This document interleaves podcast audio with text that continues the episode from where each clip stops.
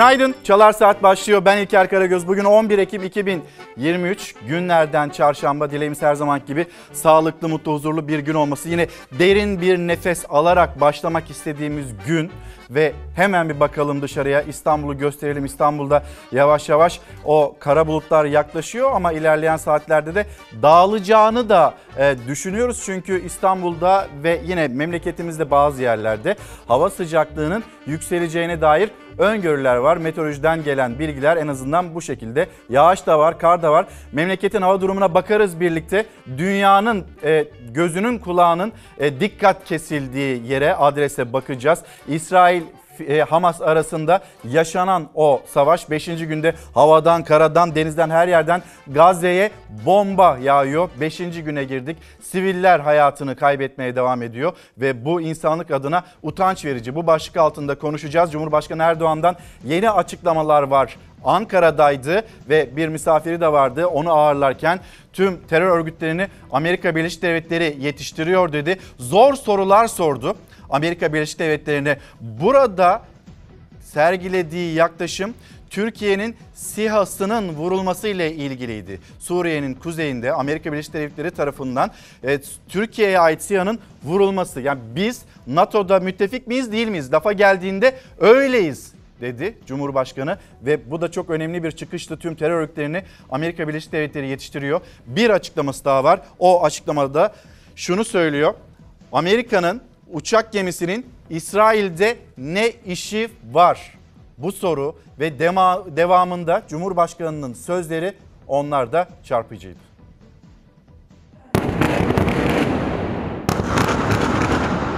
Amerika'nın uçak gemisinin İsrail'de ne işi var? Ne yapmaya geliyor? Gazze'yi etrafını vurarak, indirerek çok ciddi katliamlara adım atacak. İsrail gece boyunca yine abluk altındaki Gazze'yi vurdu. Savaş uçakları kente bomba yağdırdı. Beşinci gününe giren çatışmalarda binden fazla İsrailli, 900 Filistinli hayatını kaybetti.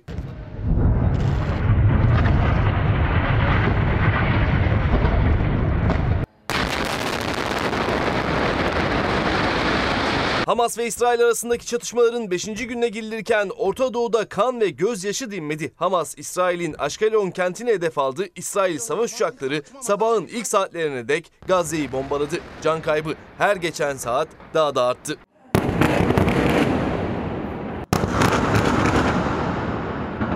İsrail kara harekatı için hazırlıklarına hız verdi. Dün hava saldırılarının yanı sıra denizden de Gazze'yi vurmaya başladı. İsrail yalnızca Hamas'ı hedef aldığını açıklasa da hastaneler, camiler, evler de hedefinde. Akşam saatlerinde İsrail savaş uçakları Gazze'deki balıkçı teknelerini de hedef aldı. İsrail savunma sözcüsü saldırılar öncesinde Filistinlilere Mısır kapısına gitmelerini tavsiye etmişti. Savaş uçakları dün gün içinde Gazze'nin Mısır'a açılan refah sınır kapısını da vurdu. Hamas saldırılar sonrası İsrail'in Aşkelon kentini hedef aldı. İsraillilere dün akşam üzeri saat 5'e kadar süre vererek bölgeyi boşaltmasını istedi.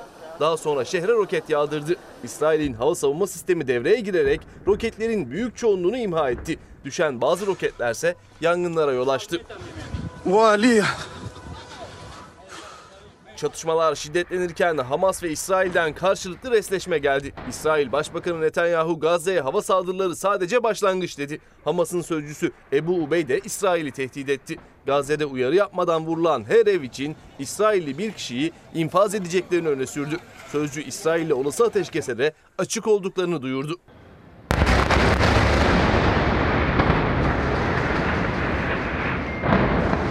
Hamas lideri Haniye rehine pazarlığı ile ilgili konuştu. Çatışma bitene kadar rehine pazarlığı yapmayacağız dedi.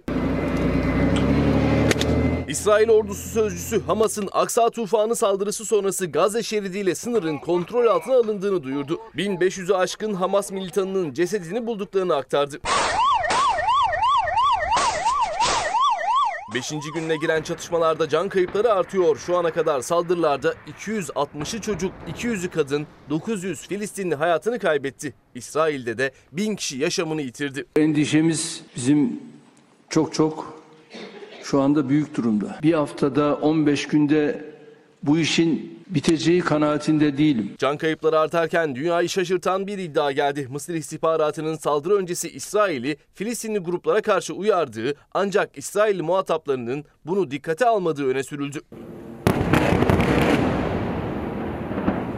Rusya lideri Vladimir Putin de İsrail ve Hamas savaşı ile ilgili ilk kez konuştu. İsrail-Filistin çatışmasının Amerika Birleşik Devletleri'nin Orta Doğu politikasının başarısızlığının canlı örneği olduğunu söyledi. Washington'ın Orta Doğu'daki düzenlemeleri tek eline almaya çalıştığını savundu. Amerika Birleşik Devletleri Başkanı Biden ise bir kez daha İsrail'in yanındayız dedi. Amerika'nın İsrail'e destek için gönderdiği savaş gemisi de Akdeniz'e ulaştı. İsrail açıklarına doğru ilerliyor. Amerika'nın uçak gemisinin İsrail'de ne işi var? Ne yapmaya geliyor? Gazze'yi etrafını vurarak, indirerek çok ciddi katliamlara adım atacak.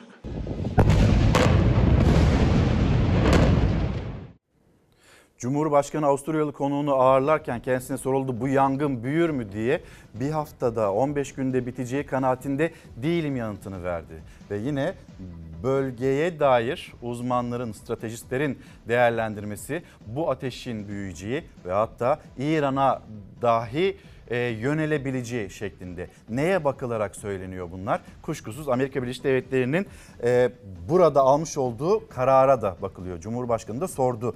Ankara'dan Washington'a sert sorular dedik biz de. Amerika uçak gemisini İsrail'e gönderiyor. Amerika'nın uçak gemisinin İsrail'de ne işi var? Ve buraya gelen uçak gemisinin etrafında bütün botlarıyla, uçak gemisindeki uçaklarıyla ne yapacak? Gazze'yi vurarak, indirerek çok ciddi katliamlara adım atılacak endişesini dillendirdi Cumhurbaşkanı.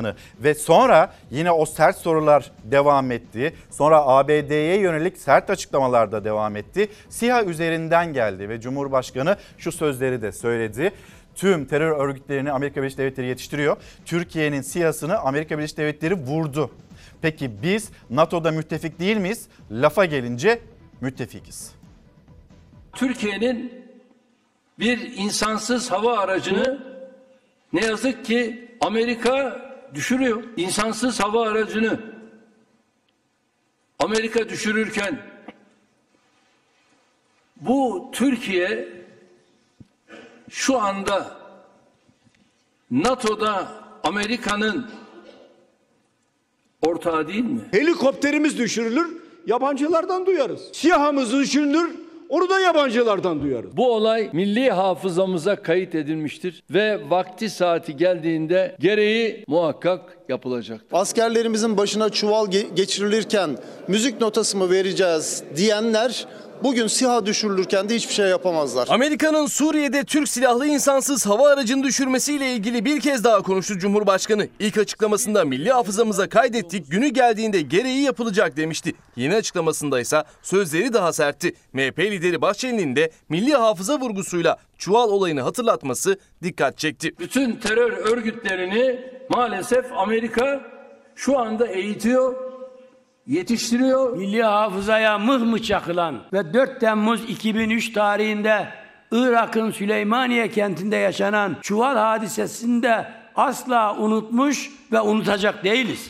İçişleri Bakanlığı'na saldıran teröristlerin terör örgütü PKK'lı olduğunun belirlenmesinin ardından Türkiye, Irak ve Suriye'nin kuzeyindeki terör yuvalarına YPG'nin kontrolündeki petrol kuyuları ve elektrik santraline hava harekatı düzenledi. Türkiye'ye ait bir SİHA terör adreslerini bombalarken Amerika'nın F-16 savaş uçağı tarafından vuruldu. Pentagon tehdit olarak algılandı, meşru müdafaa hakkımızı kullandık dedi. E, Suriye'de Amerika'nın üslerinin ne işi var? Neyin meşruluğundan, neyin müdafasından bahsedildiği muammadır. Amerika Birleşik Devletleri PKK, YPG siperinden insansız hava aracımıza resmen ateş açmıştır. E bunu neyle izah edeceğiz?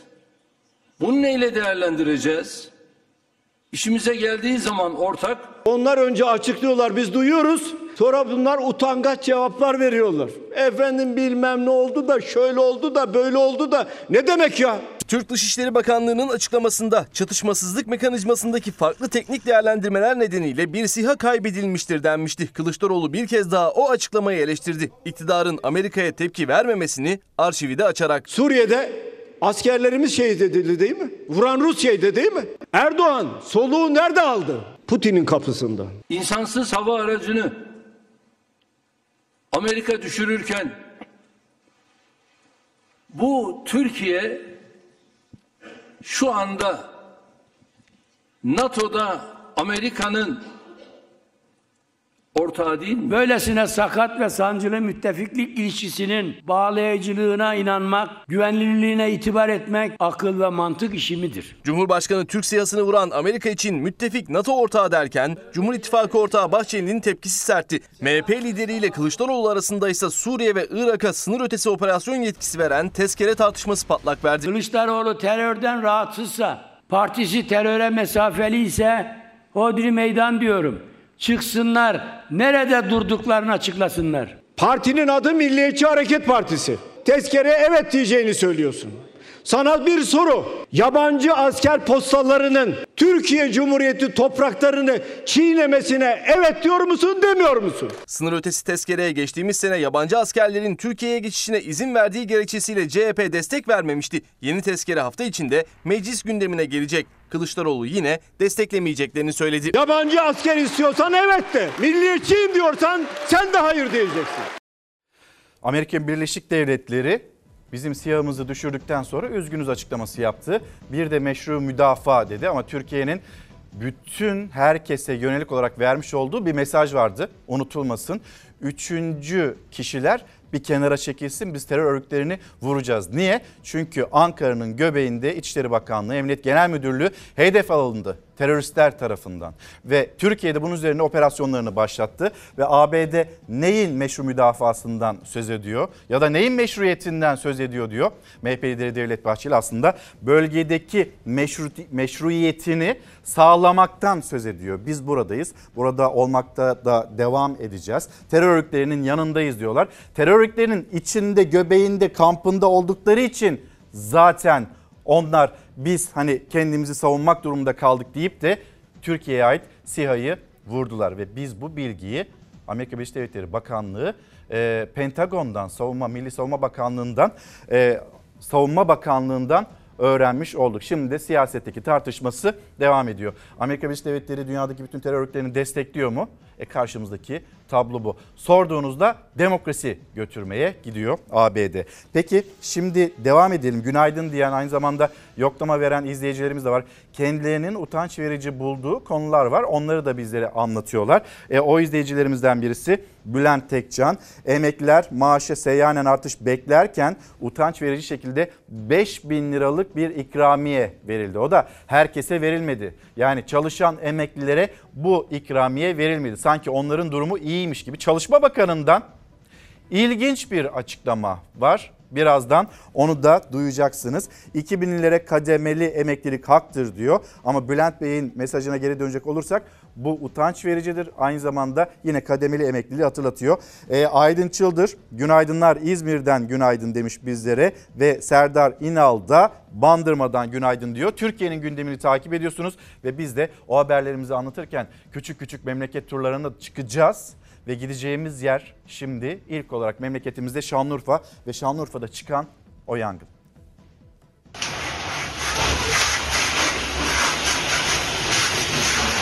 İtfaiye ekiplerinin evin içinde alevlerle mücadelesi böyle görüntülendi. Şanlıurfa'da çıkan yangında 5 kişi dumandan etkilendi, hastaneye kaldırıldı.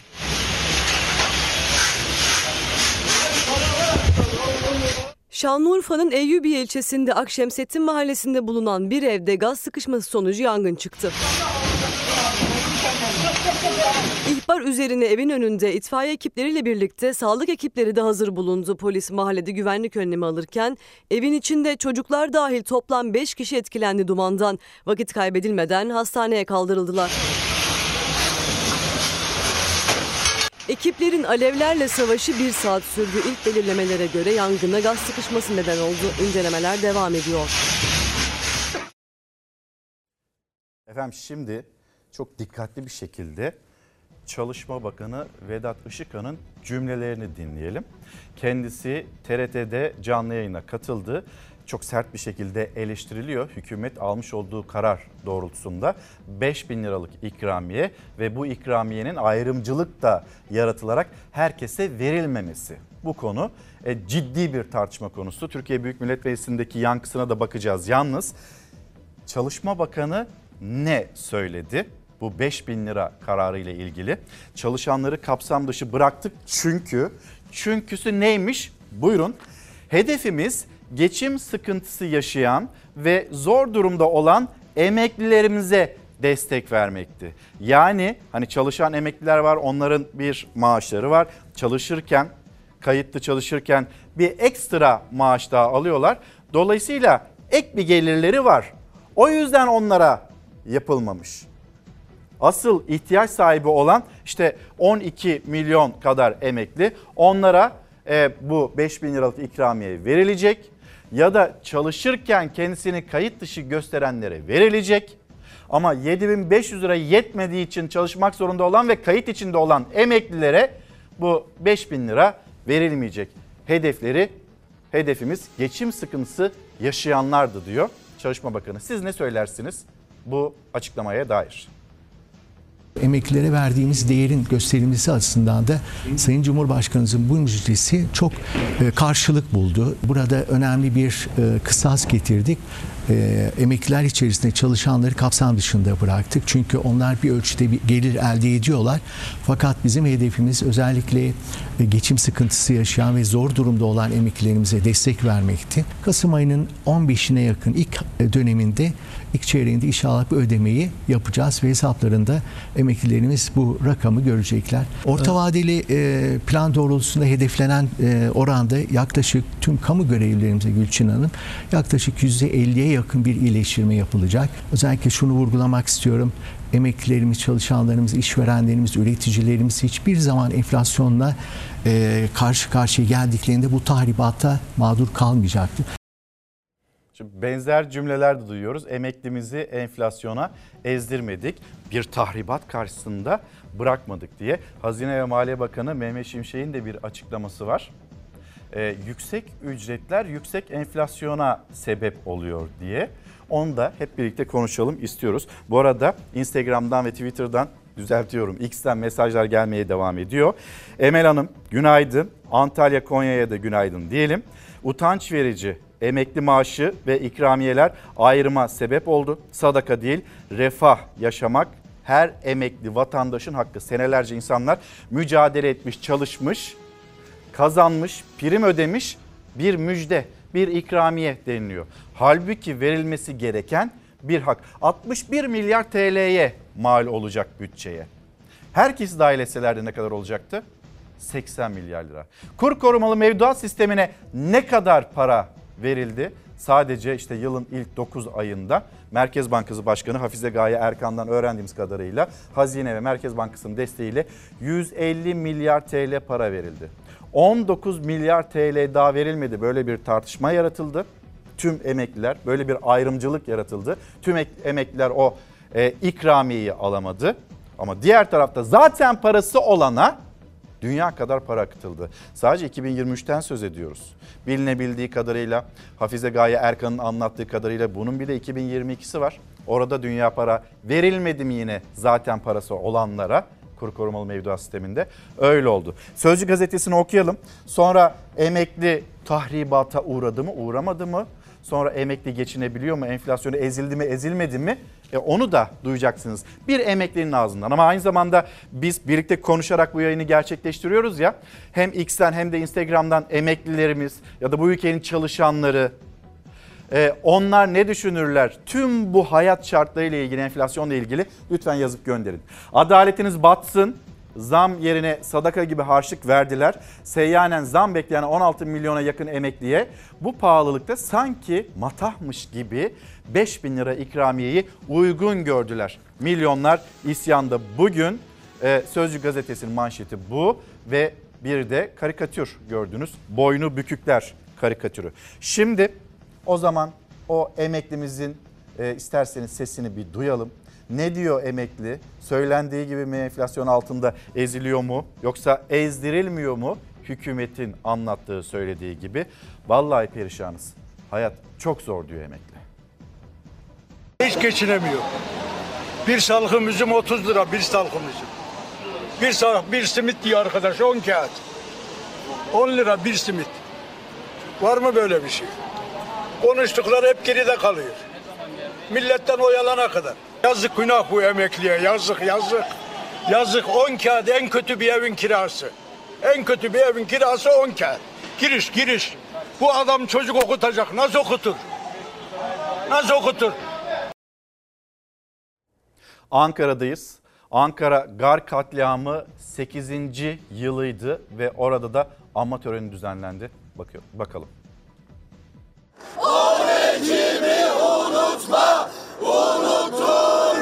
Ne hissedebilir bir insan?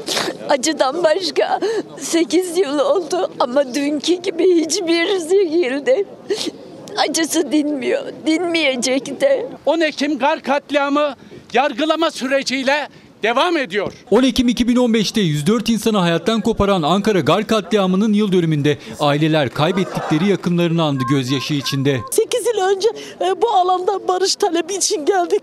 E, Tam da şuradaydık. E, Benim oğlum 10 metre ileriye gitti. Bomba atıldı. O günü karartanlar aradan 8 yıl geçmesine rağmen halen katliamda sorumlulukları bulunan kamu görevlilerini, siyasileri yargılamayanlardır. 8 yıl önce 10 Ekim günü saat 10.04'te terör örgütü IŞİD'in saldırısıyla başkentin göbeğinde yaşanan bombalı saldırıda 104 kişi hayatını kaybetti. 500'den fazla kişi de yaralandı.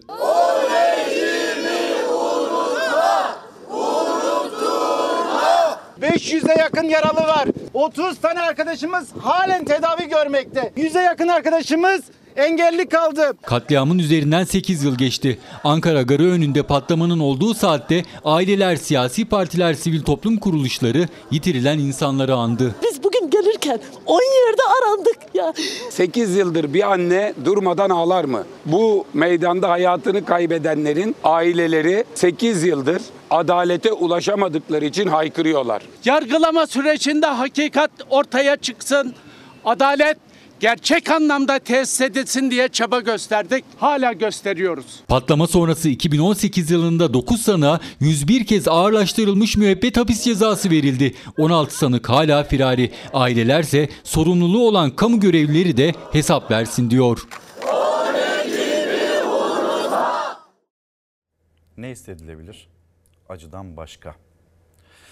E, anma törenlerinde yine gözyaşları aktı Ankara'da. Şimdi Türkiye'nin çetelerle mücadelesine bakacağız. Önce İçişleri Bakanı Ali Yerlikaya ve kendisinin yapmış olduğu e, açıklama var. Önce ona bakalım. Ondan sonra da Kaplan operasyonu nereye kadar uzandı? Onu da öğreneceksiniz. 38 çete çökertildi dedi. İçişleri Bakanı Ali Yerlikaya son 4 ayda 38 mafya tipi organize suç örgütünü çökerttik. 702 çete üyesini tutukladık diye yapıyor bu açıklamayı ve şimdi de Kaplan operasyonu ve manşeti emniyete sıçradı bu operasyon. Ayhan Bora Kaplan'ın Ankara'daki illegal faaliyetlerine göz yumdukları iddiası ile haklarında müfettiş incelemesi başlatılan bazı polislere görevlerinden el çektirildi. Peki hani ne oluyor? 38 çete çökertildi, 702 işte mensubu olduğu kişi onlar yine tutuklandı, gözaltılar bunlar devam ediyor her yeni günde. Yeni açıklamalar sonra bir kaplan operasyonu. Kim bunlar? Nasıl hani 4 ay öncesinde, 5 ay önce, 6-7 ay, 1 yıl önce nasıl bu kadar rahatlardı da şimdi onlara bu operasyonlar düzenleniyor? Ankara'nın sorduğu sorulardan birisi de bu kuşkusuz.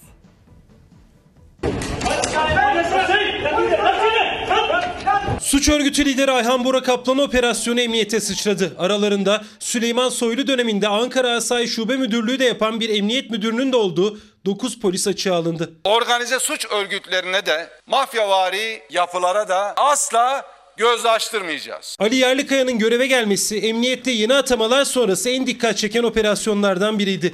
Eski İçişleri Bakanı Süleyman Soylu'ya yakın olduğu iddia edilen Ayhan Bora Kaplan, Esenboğa Havalimanı girişinde yurt dışına çıkmadan önce gözaltına alındı, tutuklandı. İfadesinde ve emniyetteki mülakatında emniyet ve yargı içinde bazı isimlere rüşvet verdiğini de anlattı. Şu anda etrafta Ayhan Bora Kaplan gibi kaç tane adam var ve bunlar adalete, polise rüşvet dağıtarak her türlü suç gerektirir işlemlerine nasıl devam edebiliyorlar? Bütün bunlar içinde bulunduğumuz çürümüşlüğün temel göstergeleridir. Ayhan Bora Kaplan'ın emniyet ve yargı içindeki bağlantılarını kullanarak hakkındaki soruşturmaları kapattırdığı iddia ediliyordu. Soruşturmanın emniyet ve yargı içinde bazı isimlere de sıçrayabileceği.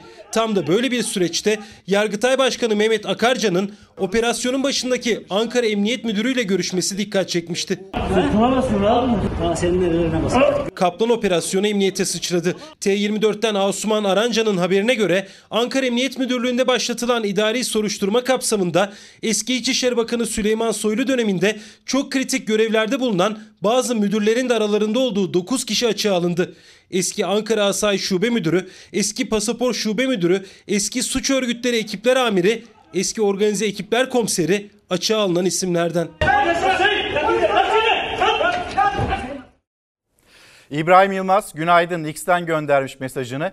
Eğer başımızdakiler ekonomist ise 7500 lirayla ben hayatımı çevirmeye çalışıyorum. Ben ekonomi profesörüyüm diyor kendisi. Şimdi Hatay'a gideceğiz. Zaman zaman bu görüntüler geliyor. Kontrollü yıkım deniliyor ama sonucu kontrolsüz bir yıkım olarak da karşımıza çıkıyor.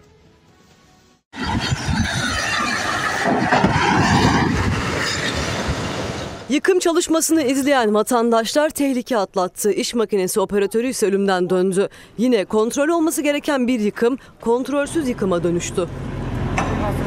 11 ile etkileyen Kahramanmaraş merkezi depremlerde ağır hasarlı yapıların yıkım çalışmaları sürüyor. Onlardan biri Hatay'ın Antakya ilçesinde Gündüz Caddesi'nde bulunan ağır hasarlı bir binaydı. Yıkım çalışmaları başladığı günden beri kontrolsüz yıkımların görüntüsü gelmeye, endişe yaratmaya devam ediyor. Antakya'da olması gereken kontrollü yıkım da kontrolden çıktı. Bina iş makinesinin üzerine yıkıldı. İş makinesinin operatörü şans eseri kazadan yer almadan kurtuldu. Binanın aniden yıkılması sırasında yaşanan panik anları cep telefonu kamerasındaydı.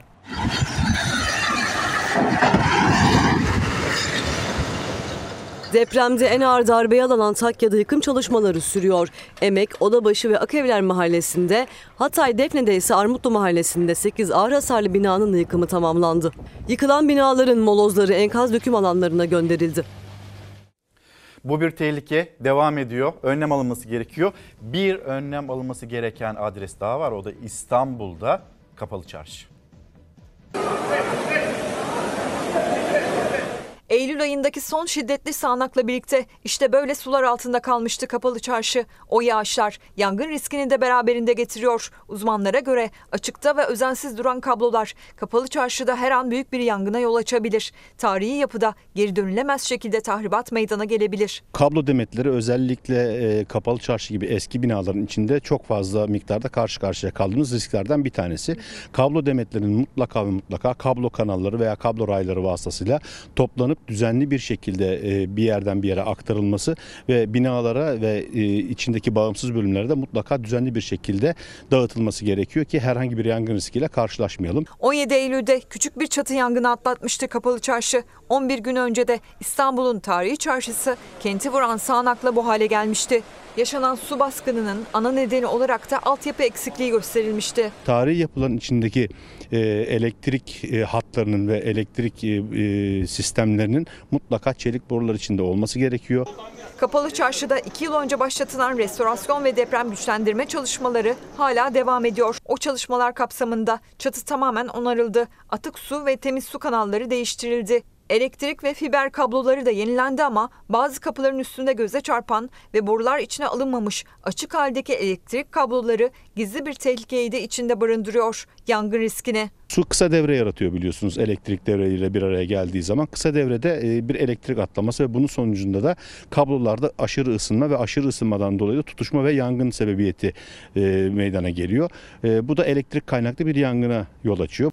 Yangın güvenlik uzmanı Levent Yasa, kapalı çarşıyı elektrik yangınlarından koruyabilmek için bir an önce kabloların çelik borular içine alınması gerektiğini söyledi.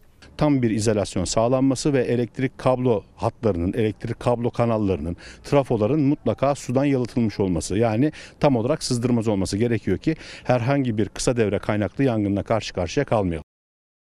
Efendim şimdi siyasetten 4 haber peş peşe vereceğiz. Hemen gelsin ekranlarınıza. Mecliste bir oturma düzeni krizi yaşanıyordu ve MHP lideri Devlet Bahçeli bu oturma krizi düzeni ile ilgili yaşanan krizi çözümledi. Saadet Gelecek Meclis grubunun Meclis Genel Kurulu'nda yaşadığı oturma düzeni sorununda MHP lideri Devlet Bahçeli devreye girdi. MHP kendi sıralarından feragat etti ve sorun bu şekilde çözüldü. Hem Davutoğlu'ndan, Gelecek Partisi'nden hem de Saadet Partisi'nden MHP lideri Devlet Bahçeli'ye de teşekkür telefonları gitti. Sonraki haberimiz mecliste yaşanan tezkere polemiği. Az önce bir haberin içinde izlemiştiniz. Burada İyi Parti'nin nerede durduğunu da öğreneceksiniz. İyi Parti tezkereye evet diyecek ve CHP hayır. Mehmetçiğin Irak ve Suriye'deki görev süresi uzatılsın mı uzatılmasın mı soru bu. Sonra e, Saadet ve Gelecek Partisi onlar e, İsrail'in uygulamış olduğu şiddet üzerine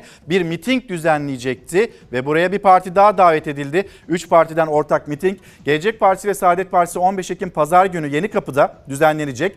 Filistin'e destek mitingine Hüdapar'ı da Hüdapar'ı da davet etti. Hüdapar da e, bu davete evet yanıtını verdi. Ve dün akşam saatlerinde Rütük'te Rütük için bir seçim yapıldı mecliste. Yeni üye seçimi 6 yıllık görev sürelerini tamamlamış olan CHP kontenjanından İlhan Taşçı ve AK Parti kontenjanından Ebu, Ebu Bekir Şahin yeniden üye seçildi. Yeşil Sol Parti kontenjanından olan Necdet İpek Yüz ise ilk kez Rütük üyesi oldu. Rütü'ye üye seçimi bu şekilde tamamlanmış oldu. Şimdi gelelim emekliler. Emeklilerin sesini bir duyalım ya da şöyle yapalım. Siyasetteki yankı, yankısına bir bakalım. Yine mecliste kalalım. Ali Mahir Başarır, Cumhuriyet Halk Partisi Grup Başkan Vekili ve emeklilere yapılan 5 bin liralık o ikramiye ama hepsine tekrar söyleyelim. O ikramiyeyi gündemine aldı ve Beştepe'ye sert mesajlar verdi. 5 bin lira veriyor. Ben sormak isterim. 17 saniyede bu parayı harcayan Cumhurbaşkanı'na. Gerçekten bu parayla emekli sorunlarını çözebilecek mi? Neden çalışan emeklilere bu para verilmiyor? Sonra bir emekli niye çalışır? Neden çalışır? Taksi kullanır, pazara gider, inşaatta ya da güvenlik görevlisi olarak çalışır. Neden çalışır? Geçinemediği için çalışır. Ama sen ya da bu iktidar bunu bile göremeyecek kadar gözlerini karartmış. İnsanlar geçinemedikleri için çalışıyorlar ama bu pek anlaşılamamış. Bugün konuşmak istediğimiz e, cümle aslında Çalışma Bakanı Vedat Işıkhan'ın da cümleleri. Neden kapsam dışı bırakıldılar? Çünkü hedefimiz geçim, sıkıntısı yaşayan ve zor durumda olan emeklimize destek vermekti. Yani diğerleri bir geçim sıkıntısı yaşamıyormuş gibi bir yaklaşım mı sergileniyor? Ocak ayından sonra şimdi o zam gündeme gelecek bir başka açıklama memurlar için, çalışanlar için, asgari ücretler için, emekler için ne kadar olacak? Ee, acaba hedef enflasyona göre olursa yine şu cümleleri mi duyacağız? Biz çalışanlarımızı enflasyona ezdirmedik. Hızlı bir şekilde reklamlara gidelim. Döndüğümüzde emeklilerimizle ilgili haberler olacak. Yine yaşam haberlerimiz var. Spordan haberler var. Mesela Vargas Malatya'ya gitti. Malatya'da e, hemşerileri onu karşıladı. Malatya'ya memleketine hoş geldin dediler Vargas'a. Bu haber de var. Pek çok haberle birlikte reklamlardan sonra buluşalım. Günaydın bir kez daha devam ediyoruz. Bugün başlığımız utanç verici. İnsanlık adına utanç verici gelişmeler yaşanıyor. E, hem İsrail tarafında hem Filistin tarafında Gazze'de siviller, çocuklar hayatlarını kaybetmeye devam ediyor. İsrail Savunma Bakanlığı'ndan bir açıklama. Şimdi tam taarruza geçiyoruz yönünde. Yani burada yangının daha da büyüyeceğini görüyoruz. Amerika Birleşik Devletleri'nden bir donanma işte Doğu Akdeniz'e e, doğru ilerliyor. Hatta bayağı da yaklaştı. Şimdi bunun notlarını, detaylarını az sonra Çalar Saat Bülten sorumlusu Zafer Söken getirecek son dakika bilgilerini. Yalnız Ankara'nın da çağrısı duruyor. Orta yerde adil bir barışın kaybedeni olmaz dedi. Ankara çağrısını da yineledi. Adil bir barışın kaybedeni olmaz düsturuyla bölgede etkili tüm aktörleri barışın tesisi için sorumluluk almaya çağırıyoruz. Hamas'ın İsrail'e saldırısı İsrail'den gelen savaş ilanı. Bölge ateş çemberine dönerken Cumhurbaşkanı Erdoğan her türlü ara buluculuğa hazırız diyerek hem İsrail'e hem Hamas'a çağrı yaptı. Erdoğan, Filistin Devlet Başkanı Mahmut Abbas ve İsrail Cumhurbaşkanı Herzog'la görüştü. Karşılıklı çatışmanın durması gerektiğini söyledi. Rusya lideri Putin'le de gelişmeleri ele aldı. Nasıl ara buluculuk yaparız? Nasıl acaba bu savaşı durdururuz? Bunun gayreti içerisindeyiz. Olayların büyümeden, siviller öldürülmeden bu davanın bir şekliyle sonlanması gerekiyor. Ateşkes rejimi derhal tesis edilmeli. Hamas'la İsrail arasında yaşanan çatışmalar, bölgede yükselen tansiyon, Türkiye'nin sıcak gündemi. Muhalefetten de bir an önce ateşkesin sağlanması için Türkiye'nin ara bulucu olması yönünde tam destek var. Çatışmaların Orta Doğu'da gerilimi daha da tırmandırması, diğer ülkelere sıçramasından endişe edilirken Cumhurbaşkanı Erdoğan, Filistin ve İsrail dışında Mısır, Lübnan, Katar, Rusya ve Birleşmiş Milletler'le de diplomasi trafiği yürüttü. Temennimiz o ki bir an önce bu savaşı durduralım ve bölge sükunete, suhulete yeniden kavuşsun. Filistin'e kayıtsız şartsız destek verilmelidir. İsrail tarafıyla bütün normalleşme süreci durdurulmalıdır. Şu anda yapılacak en acil girişimlerden biri de ateşkes ve esir değiş tokuşu sağlanmalı. Gelecek Partisi Genel Başkanı Ahmet Davutoğlu ve Saadet Partisi Genel Başkanı Temel Karamollaoğlu Filistin Büyükelçiliğini ziyaret etti. Davutoğlu İsrail ile ilişkiler durdurulmalı dedi. Kılıçdaroğlu sivil kayıplara dikkat çekti. Filistin halkının haklı davasını savunmak elbette ki her demokratik ülkenin hakkıdır. Ama hiçbir haklı dava sivillerin öldürülmesine haklılık kazandırmaz. Sivillerin, kadınların, çocukların, yaşlıların öldürülmesi asla ve asla doğru değildir. Sizin haklı davanızın üzerine gölge düşürür. İsrail yönetiminden Gazze başta olmak üzere Filistin topraklarına yönelik bombardımanlarını Filistinlilerden de İsrail'deki sivil yerleşimlere yönelik tacizlerini durdurmalarını istiyoruz. Bu itidalli adım barışa giden yolun kapısını daralayacaktır. İtidal çağrıları, barışın sağlanması, çatışmaların durdurulması için Türkiye'nin ara buluculuk çağrısı. Ankara bir yandan da diplomasi trafiğini sürdürüyor. Şimdi Cumhuriyet Halk Partisi'nde olup bitenlere bakalım. Değişim rüzgarı Cumhuriyet Halk Partisi'nde çok sert esmeye başladı ve niçin bir değişime ihtiyaç olduğunu e, genel başkanlığa aday olan isimlerden birisi Özgür Özel e, Arman Çağlayan'ın e, YouTube kanalında bakın nasıl anlattı. Türkiye'nin her yerinden gelen haber ve gittiğim her yerde gördüğüm meselenin kendisi şu ki bir değişim olmazsa, parti kendini yenilemezse, ikna olmazsam daha da oy vermeyeceğim diyor. Bir daha gelmeyeceğim diyor. Hatta daha da tehlikesini söyleyeyim. Bize oy vermedi. Yine kafasındaki değerler değişmedi ya. Yine Atatürk'e saygılı bir partiye verir, devrimlere saygılı bir partiye verir, onu yapar. Yine hani o bizim 25 hani bu cumhuriyete sahip çıkar falan değil mi? Eğer o bir kaybolur giderse, sandığa küserse işte o zaman dünyadaki bütün diktatörlerin böyle ağzının sularının aktığı şey, böyle ellerini ovuşturdukları şey. Burada seçime katılım oranı çok düşer.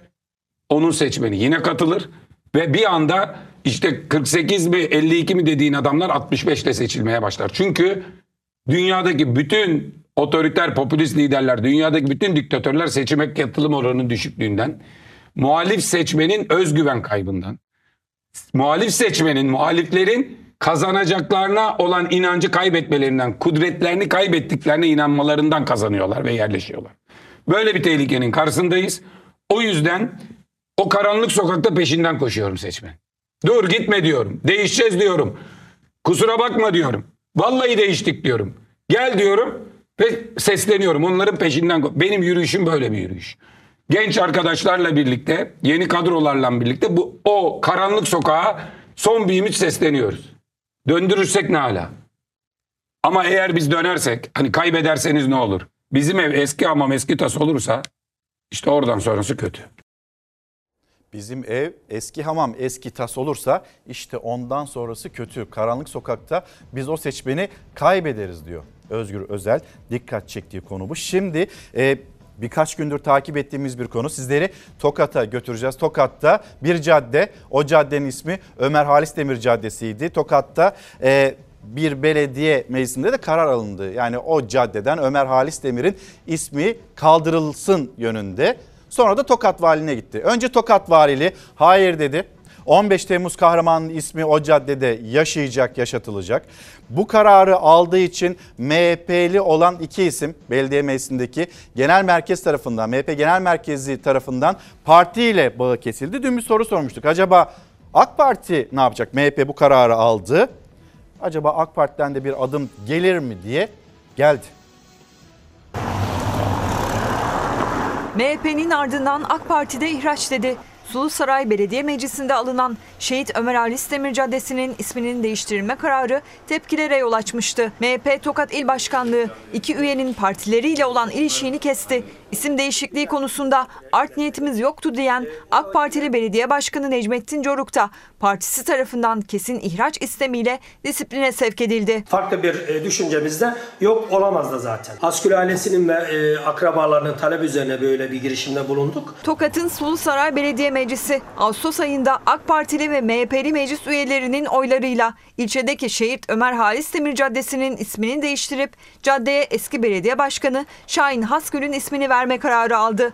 Valilik gelen tepkiler sonrası kararı iptal ettiğini açıkladı. Söz konusu caddenin Şehit Ömer Halis Demir ismiyle anılmaya devam edeceği duyuruldu. Valiliğin iptal kararının ardından MHP Tokat İl Başkanlığı da harekete geçti. İsim değişikliğini isteyen iki üyeyi partilerinden ihraç etti. Ve AK Parti'den de benzer bir hamle geldi. Sulu Saray'ın AK Partili Belediye Başkanı Necmettin Coruk, AK Parti Tokat İl Başkanlığı tarafından disipline sevk edildi. Coruk'un partisinden kesin ihracı isteniyor. Siyasi emeller uğruna kullanmaya çalıştılar. Hem emeklilerimizden hem de yine çalışanlardan çok sayıda mesaj geliyor Instagram'dan da X hesabımızdan da. O zaman geri dönelim o başlığa. Emeklilere ikramiye verilecek Kasım ayının ortasına kadar. Sonra bir düzenleme yapılacak. O da Ocak ayından sonrasına e, dair böyle söylendi. Şimdi Vedat e, Işıkhan'ın açıklamasını gördünüz. Görmeyenler için bir kez daha söyleyeyim mi? Yani neden burada böyle bir ayrıma gidildi? Ayrıma gidildi çünkü diyor Sayın Bakan hedefimiz geçim sıkıntısı yaşayan ve zor durumda olan emeklilerimize destek vermekti. Sanki bütün emekliler bu sıkıntıyı yaşamıyormuş gibi 7500 lira alıp da çalışmak zorunda kalan ama kayıtlı çalıştığı için de o 5000 lirayı alamayacak olan emeklerimiz var. Hem onlardan eleştiri mesajları geliyor. Birazdan onları da okuruz elbette. Ama şöyle yapalım. Bir haberimizi izleyelim. Öyle değerlendirelim. Özellikle şunu vurgulamak istiyorum. Emeklilerimiz, çalışanlarımız, işverenlerimiz, üreticilerimiz hiçbir zaman enflasyonla e, karşı karşıya geldiklerinde bu tahribata mağdur kalmayacaktır. Emeklilere verdiğimiz değerin gösterilmesi açısından da Sayın Cumhurbaşkanımızın bu müjdesi çok e, karşılık buldu. 5000 lira nereye kullanacaksın? Bir şey alıyorsun. 500 lira. Aylarca uyuttular uyuttular. Bir parmak bal çalıyorlar. O. Bilhassa emeklilerimizin yaşadığı sıkıntıları çok iyi biliyorum. Emeklilerimize bir defaya mahsus olmak üzere 5000 Türk lirası ödeme yapmayı kararlaştırdık. Hiç vermese, maaşa zam yapsa ondan daha iyi. Nasıl memurlar öz evlat devletin, emekliler de öz evlat yapsın. Ben alsam ne olacak ki 5000 lira alınca ne yapacaksın ki? Hem emekli olup hem de fiilen çalışmaya devam eden emeklilerimizi bu düzenlemenin dışında bırakıyoruz. Emekliyiz ama şu anda yetmiyor yani bize. 7500 lira ne olacak? Mecbur çalışacağız. İşte meşgulsünüz. Kargo, hamallık yapıyoruz. Burada önemli bir e, kısas getirdik. E, emekliler içerisinde çalışanları kapsam dışında bıraktık. Çünkü onlar bir ölçüde bir gelir elde ediyorlar. Geçim derdinin yükü biraz olsun azalsın diye sırtında her yeni gün yeni yükler taşıyor emekli Uğur Gündüz. Çünkü 7500 lirayla geçinebilmek mümkün değil. Tüm emekliler gibi onun da gözü kabine toplantısındaydı. Ocak ayından önce zam umuyorlardı, bulamadılar. Kasım ayında ödenecek ikramiye ise 5000 lirayla sınırlı kaldı. Üstelik çalışan emekliye yok. Oysa onlar zaten geçinemedikleri için çalışmak zorunda kalıyor. E, Türkiye şartlarında açsın. 7500 TL emekli maaşımız var. Bozdur bozdur bitmiyor. E bitmeyince de biz de böyle çalışmak zorunda kalıyoruz. Ayrımcılık olur yani bir yanlış olur. Madem veriliyorsa topyekun bütün emekli olmuş çalışsın çalışmasın. Bizim hedefimiz özellikle e, geçim sıkıntısı yaşayan ve zor durumda olan emeklilerimize destek vermekti. Çoğu emekli geçinemediği için zor koşullarda asgari ücretle çalışıyor. Emeklilere bir defaya mahsus olmak üzere 5 bin lira bir ödeme yapılacak. Ancak çalışan emekliler bu ödemeden yararlanamayacak. Sabah geliyoruz saat 9.30-10'a kadar çalışıyoruz yani. Bu sokaklarda yağmurun altında çalışıyorum yani dışarıdayım sürekli. Da görüyorsunuz kargo topluyorum ben. Kargolar ağır. Her birisi 150 kilo, 200 kilo. Akşam gittiğimizde yürüyemiyoruz hale geliyoruz. 7500 lira yetse zaten bu yükün altına girmeyecek çalışan emekliler. Bir umut ara zam bekliyorlardı. Ancak zamdan hiç bahsetmedi Cumhurbaşkanı Erdoğan. Çalışan emeklilere 5000 liralık ikramiyenin verilmeyecek olmasıysa ikinci hayal kırıklığı oldu. Yaklaşık 16 milyon emekli var. Her 4 emekliden biri ikramiye alamayacak. 12,2 milyon emeklimizi doğrudan etkileyen aldığımız bu kararın hayırlı olmasını diliyorum. Kasım ayının 15'ine yakın ilk döneminde, ilk çeyreğinde inşallah bu ödemeyi yapacağız ve hesaplarında emeklilerimiz bu rakamı görecekler. Geçinemediğimiz için çorap satıyoruz. Şu şartlarda bu ortamda mümkün değil geçinmek yani. Yani bu paralarla devletin verdiğiyle dahil hiçbir şeyden geçinemezsin. Pek çok emekli kayıt dışı çalışıyor. Onlar ikramiye alabilecek ya da konutlarının gelirleriyle geçinen emekliler var. Onlar da ikramiye alabilecek. Maaşı yetmediği için kayıtlı olarak çalışan ya da esnaflık yapan emeklilere ikramiye yok. Dul ve yetim maaşları da zaten çok düşük. Onlar da hisselerine göre ikramiye alabilecek. Yani 5 bin lirayı bile göremeyecekler. Ben emekliyim. Burada bekçilik yapıyoruz. 2019'da emekli olduğum zaman emekli maaşım asgari ücretin %15'i daha yüksekti. Şu anda asgari ücretten bayağı bir az. Ama demek ki devletin vereceği şey layık gördüğü şu an için herhalde budur. 12.2 milyon emekli faydalanacak. Aslında 16 milyon emeklimiz var. Herkese verilseydi şimdi 61 milyar liralık bir e, bütçede ek kaynak e, aranması ya da aktarılması gerekiyor. Herkese verilseydi 80 milyar olacaktı. Bu ülkenin kaynağı yok mu? Galiba gördüğümüz, anladığımız bize söylenmek istenen para yok. Onu söylemeye çalışıyor yönetenler. Ocaktan sonra acaba ne kadar zam yapılacak göreceğiz. Şimdi Orta Doğu, Orta Doğu'da savaş devam ediyor. Yangının daha da büyüyeceğini öngörüyor. Herkes ABD savaş gemisi de Doğu Akdeniz'de yeni notlarıyla Zafer Söken'de Çalar Saat'te. Çalar Saat bülten sorumlusu Zafer. Bir kez daha günaydın. Evet Cumhurbaşkanı Erdoğan da tepki göstermişti. Amerika Birleşik Devletleri'nin gemisinin ne işi var orada demişti. O gemi Doğu Akdeniz'e ulaştı. İsrail açıklarına ilerliyor diye bilgiler vardı. Hatta haberimizlere yer verdik. İsrail'e ulaşan bir Amerikan e, enstrümanı var. Nedir bu? Amerikan savaş uçağı. Mühimmat yüklü Amerikan savaş uçağı İsrail'e ulaştı. Yani bu savaşta artık doğrudan üçüncü taraf bir ülkenin açıktan desteğini en azından yani açıktanı vurguluyorum. Gizli destekleri varsa başka ülkelerin onu henüz bilemiyoruz. Açıktan Amerika bu savaşta doğrudan İsrail'in yanında oldu ve mühimmat desteğini de taşıyan o uçak İsrail'e indi. Şimdi savaş gemisi İsrail açıklarında. Dediğin gibi ne yazık ki bu savaş görünen o ki daha da büyüyecek gibi. Son açıklamalar 900 Filistinli, 1000 İsrailli bu savaşta hayatını kaybetti. Ve çok acı bir tablo. Gece saatlerinde yapılan açıklama 260'ı çocuk Filistinlilerden yani 900 Filistinlinin 260'ı çocuk, 200'ü kadın hayatını kaybedenlerden. Ne yazık ki savaş en çok sivilleri vuruyor her zaman olduğu gibi. Biz genelde şehirlerin bombalanmasını dışarıdan ya da uzaktan görüyoruz doğal olarak. Ancak içeriden de görüntüler var. O görüntüleri paylaşmak istiyorum. Savaşın nedenli kötü bir şey olduğunu daha iyi anlamamız için. İşte Gazze'de bir adam, bir baba ailesini kaybetmiş İsrail'in saldırıları nedeniyle. Enkazın üzerinde oturmuş ve görüyoruz görüntülerde oyuncak bir ayı var. Belki evladının, belki yeğeninin onu bilmiyoruz. Sadece oturup kala kalıyor. Arkasında bir sessizlik. İşte bombalanan Gazze şehrinin arkasında kalan işte bu. Yani o savaş uçakların bombaların sesi bitince bir sessizlik ve hüzün hakim oluyor. Böyle oturup enkazın üzerine oturup kaybolup giden canlarına ne yazık ki üzülmek dışında Çaresizlik. bir şey kalmıyor insanların elinde geriye işte hatıralardan o fotoğraf kareleri kalıyor. Sadece onlara bakabiliyorlar. İsrail hastaneleri, camileri, ambulansları vuruyor. Yani siviller burada hayatını kaybediyor daha çok.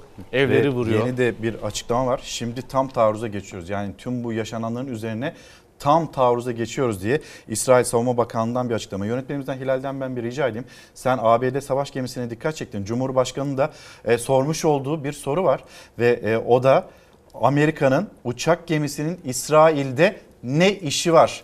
Dün e, Avusturyalı konuğunu ağırlarken işte bu soruyu yine Cumhurbaşkanı soruyor. Amerika uçak gemisini İsrail'e gönderiyor. Amerika'nın uçak gemisinin İsrail'de ne işi var? Ve buraya gelen uçak gemisinin etrafında bütün e, botlarıyla, uçak gemisindeki uçaklarıyla ne yapacak? Gazze'yi vurarak indirerek çok ciddi katliamlara adım atacak dedi Cumhurbaşkanı. Ve işte Zafer Söken de orada sonrasında bombalamanın ardından neler yaşandığını anlatıyor. Bir görüntü daha var. Evet bir görüntü daha var. Filistinli bir genç kız canlı yayın yapıyor sosyal medya üzerinden. İngilizce konuşuyor. Neler yaşadığını anlatıyor. Burada işte bombalar şehirleri vuruyor. Bir Filistinlinin, bir Gazze'linin neler yaşadığını çok net gözler önüne seriyor. Canlı yayında, sosyal medya üzerinden yaptığı canlı yayında anlatılırken ve işte bir bombalamaya şahit oluyor kız. Hatta bombanın ya o basıncın etkisiyle saçlarının nasıl dalgalandığını görüyoruz burada. Diyor ki nefes alamıyoruz.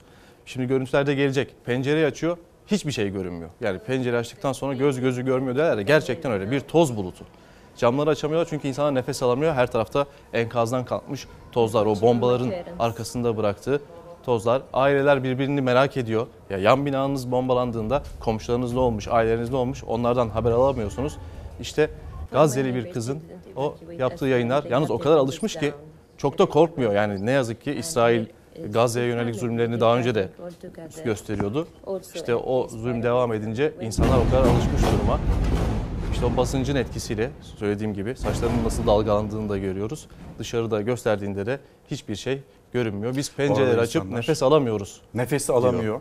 Elektrik yok, su yok. Yani çok ciddi bir utanç verici, insanlık adına utanç verici görüntüler geliyor. Orta Doğu'dan yükselen bir yangın var. Şimdi siviller konusu o da çok önemli. Türkiye'nin durduğu yer belki de e, en doğru yer böyle adlandırmak gerekiyor. Ne İsrail için ne Filistin için, Gazze'deki insanlar için, Tel Aviv'deki insanlar için durulması gereken yer elbette sivillerin hayatı, onların hayatta kalması gerekiyor. Ankara'da bunun için mücadele veriyor.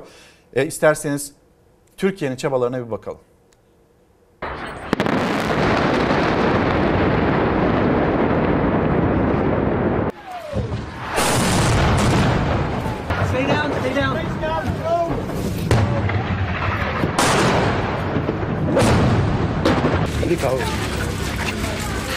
Çocuklar, siviller ve gazeteciler İsrail-Hamas savaşında bombalar hedef ayırt etmiyor. Gazze şeridine hava saldırılarında hayatını kaybedenlerin 260'ı çocuk.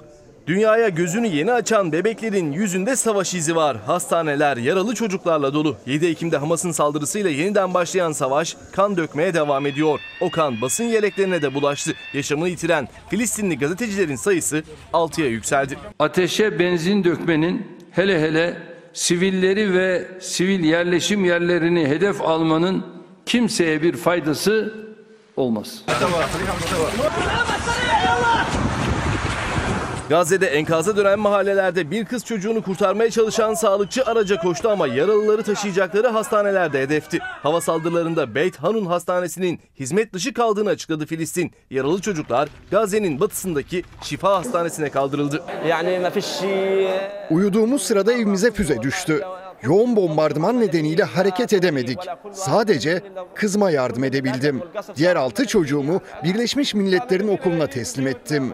Birleşmiş Milletler Filistinli Mültecilere Yardım Ajansı da 7 Ekim'den bu yana 137 binden fazla Filistinlinin Gazze şeridindeki okullara sığındığını duyurdu. Yarım milyon kişinin de gıda yardımından bile mahrum kaldığı açıklandı. İsrail Gazze'ye yardım tırlarının girmesine izin vermiyor. Elektrik ve su da yok.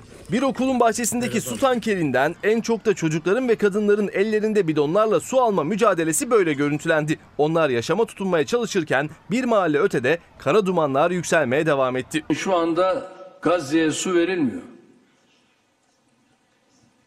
Hani insan hakları? Elektrik yok. Verilmiyor. Hani insan hakları? İsrail tarafında da sınıra yakın noktada yayın yapan NBC muhabiri ateş hattında kaldı. Havada roketleri görüntülediler. Stay down, stay down.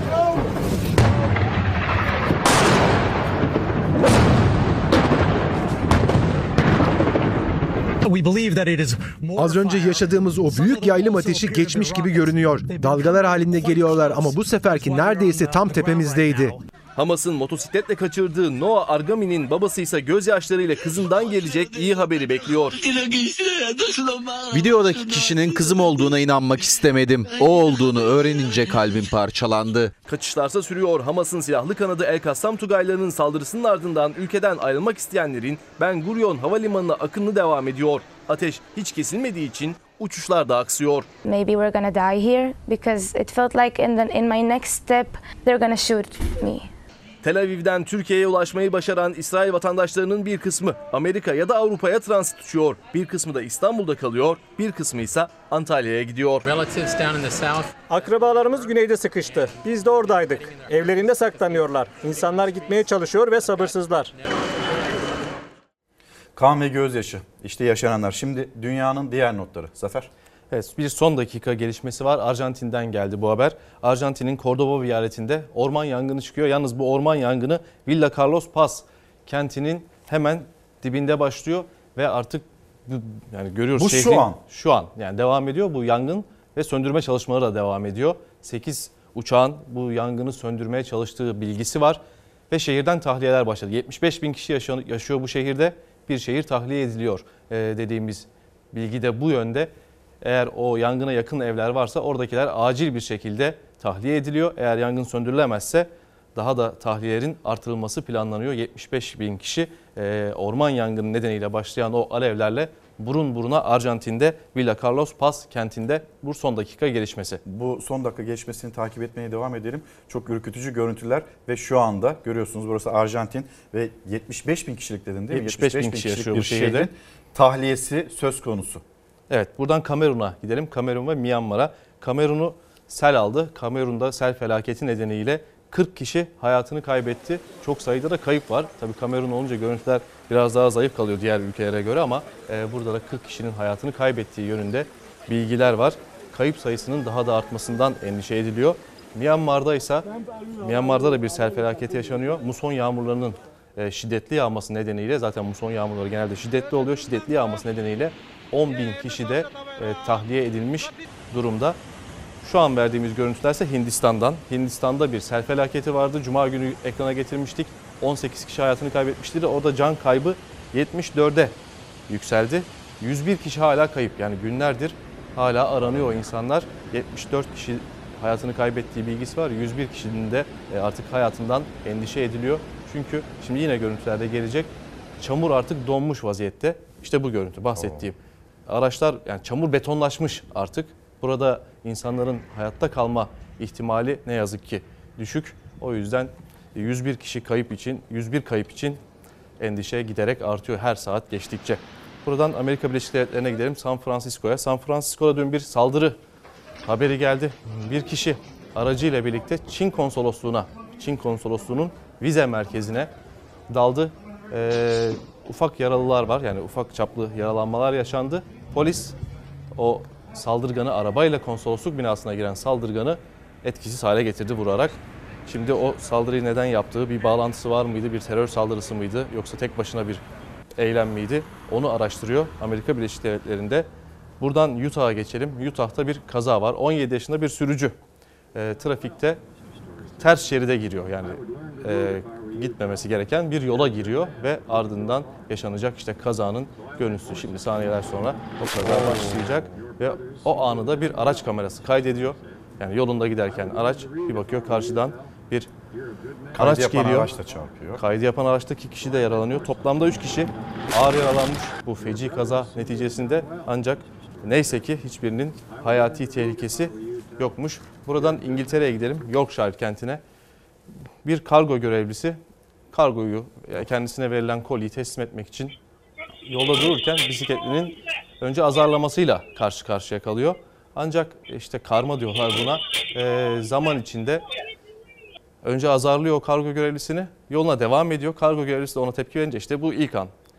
Bisikletlinin geldiği an ona diyor ki "Çek- kenara çekil. O da diyor ki ben işimi yapıyorum hani burada kenara çekilemem şu an diye böyle birbirlerine bağırarak ilerliyor. O bisikletli öfkeyle tekrar geri dönüyor. Ancak geri dönerken başına işte e, o kaza anı geliyor. o adamın üzerine yürüyor. Yani bisikletini o adamın üzerine sürüyor ama şans ondan yana olmuyor ve bisikletle şimdi görüntü geliyor. Böyle bir takla atıyor. Böyle öfkeyle kalkıp zararla düşen bir e, bisikletlinin görüntüsü. İklim aktivistleri eylemleri çokça konuşuluyor. Dün de İngiltere'de ana muhalefet partisinin liderini hedef aldılar. Keir Starmer yani İşçi Partisi'nin liderinin konuşması sırasında bir iklim aktivisti bütün geleceğimiz tehlikede, krizdeyiz, siyaset artık güncellenmeli diyerek sahneye çıktı ve ana muhalefet partisi liderinin üzerine sim, Sim mi o? sim gibi yani parlak kağıtlar attı en azından öyle Çıkmaz o. diyebiliriz. Zaten bütün konuşması boyunca da ana muhalefet liderinin üzerinde o simler vardı. Işıltılı bir tepki. Yani ışıltı kelimesini eski ekonomi bakanımızdan aldım. Hani ışıltısı eksikmiş herhalde ana muhalefet liderinin ki iklim aktivisti de onun üzerine biraz ışıltı eklemeyi. Saçlarındaki ışıltıyı gördünüz mü? Evet. Saçlarında ve omuzlarındaki ışıltıyı herkes görmüş. Ancak e, ana muhalefet lideri bunun beni rahatsız ettiğini düşünüyorsa yanılıyor diye de e, o protestoyu biraz da böyle önemsiz hale getirmeye çalışmış. Şimdi Kazakistan'a gidelim. Kazakistan'da Ayi Gerim Abil Kadirova. Şimdi kim bu? Asya Judo şampiyonu. Bir program çekiyorlar. O program sırasında kendisi bu. Bir başka yine dövüşçüye diyor ki benim hakkımda Instagram'da bir şey paylaştın. Neydi o? Yani bir hakaret etmiş. O da diyor ki dişlerinle ilgili bir şey de herhalde diyor ve bunun üzerine bir tepki. Önce bir pet şişe fırlatıyor ardından üzerine yürüyor o diğer e, dövüş sporcusunun. Ancak stüdyo elemanları sahneye girip e, Aygerim Abil Kadirova'yı engellemek istiyor ama yani engellemeye çalıştığı isim de Asya'nın judo şampiyonu isim. Şimdi görüntü bir daha geliyor. İşte Instagram'da ne yazdın diyor. O da dediğim gibi dişlerine ilgili bir şey diyor. Önce bir pet şişe fırlatıyor. Yetmiyor öfkesini alamıyor ve üzerine yürümeye çalışıyor derken işte o anlar judo şampiyonunu durdurmaya çalışırsanız başınıza bu gelebilir tabii çok doğal olarak. Onu da yere alıyor ama neyse ki bir başka kişi kendisini biraz daha sakinleştirip yerine oturtuyor ama tabii öf- e, öfkesi kolay kolay da dinmiyor judo şampiyonunun. O zaman İrlanda'ya gidelim. İrlanda'da belki bize biraz nefes aldıracak bir görüntü. Bir kadın dağda yürüyüş yaparken, İrlanda dağlarında yürüyüş yaparken çamura saplanmış bir koyun görüyor. O koyunu da o bataklıktan çıkarmak için e, mücadele veriyor. Epey de zorlanıyor yani boynuzlarından tutup çekiyor. Ancak çamur da sadece çamur gibi de değil yani böyle zift de var gibi işin içinde. Çünkü kolay kolay çıkmıyor. Hemen ardından dereye sokup o koyunu böyle bir güzel üzerindeki e, kiri ya da artık dediğim gibi Zift çok zift gibi bir şey yani e, kolay kolay çıkmadığı için onu temizliyor ve ardından tekrar onu Ama e, bayağı arındırmış. doğaya Bayağı temizlemiş. e, bayağı temizledi ama işte çamur değil galiba dememin sebebi şu. Yani arındırmış hali bile yine böyle biraz siyah kalmış. Ama o da e, koyunu temizleyerek tekrar doğasına yuvasına kavuşturmuş. Zafer Söken teşekkürler. Dünyanın notlarını paylaştı. Orta Doğu'daki savaşa dair de yine önemli e, notlar, bilgiler getirdi. Şimdi devam edeceğiz. Sıradaki haberlerimizde e, İkizköy'e gideceğiz. Bu arada az sonra e, yukarıdan rejiden de beni uyarıyorlar. Müdürümüz de uyarıyor. Zeray Kınacı. Birazdan Akbelen davası ile ilgili e, bir yayın da gerçekleştireceğiz. Orada teyzelerimiz, büyüklerimiz neyi savunuyorlar, Yeşil'i nasıl savunuyorlar onu anlatacaklar canlı yayında. Hatırlatmış oldum ve İkizköy. Biz bu mücadeleye 4 sene önce çıktığımızda topraklarımız, havamız, suyumuz, taşımız, zeytinimiz, meyve bahçelerimiz, daha gidecek onlarca köyümüzü çıktık, için çıktık bu mücadeleye. Ve istiyorlar ki biz bu mücadeleyi bırakalım, yılgınlığa düşürelim, pes ettirelim ve istediğimiz gibi madeni her yere taşıyalım. Hayır, yok böyle yağma. Biz ne köyümüzden, ne zeytin ağaçlarımızdan, ne emek vererek büyüttüğümüz toprağımızdan, meyve bahçelerimizden, ne de gönülden bağlı olduğumuz köylerimizden vazgeçmeyeceğiz. Madene verecek bir avuç toprağımız yok dedik. Ağaçlarımızdan vazgeçmeyeceğiz diyor. Bu ülkenin insanları yeşilimizden, yeşilimizden vazgeçmeyeceğiz. Yeşilden vazgeçtiğinizde karşınızda çıkanın beton olduğunu görüyorsunuz, biliyorsunuz ve yaşıyorsunuz zaten. Akbelen davasına az sonra döneceğiz, bakacağız. Büyüklerimiz, teyzelerimiz ne söyleyecek acaba mahkemeye girmeden önce. Şimdi devam edelim. Bir veli ve e, o veli okula girdi. Sonra o okulda öğretmenlerle tartıştı. Bir kavga çıktı. Onun haberi.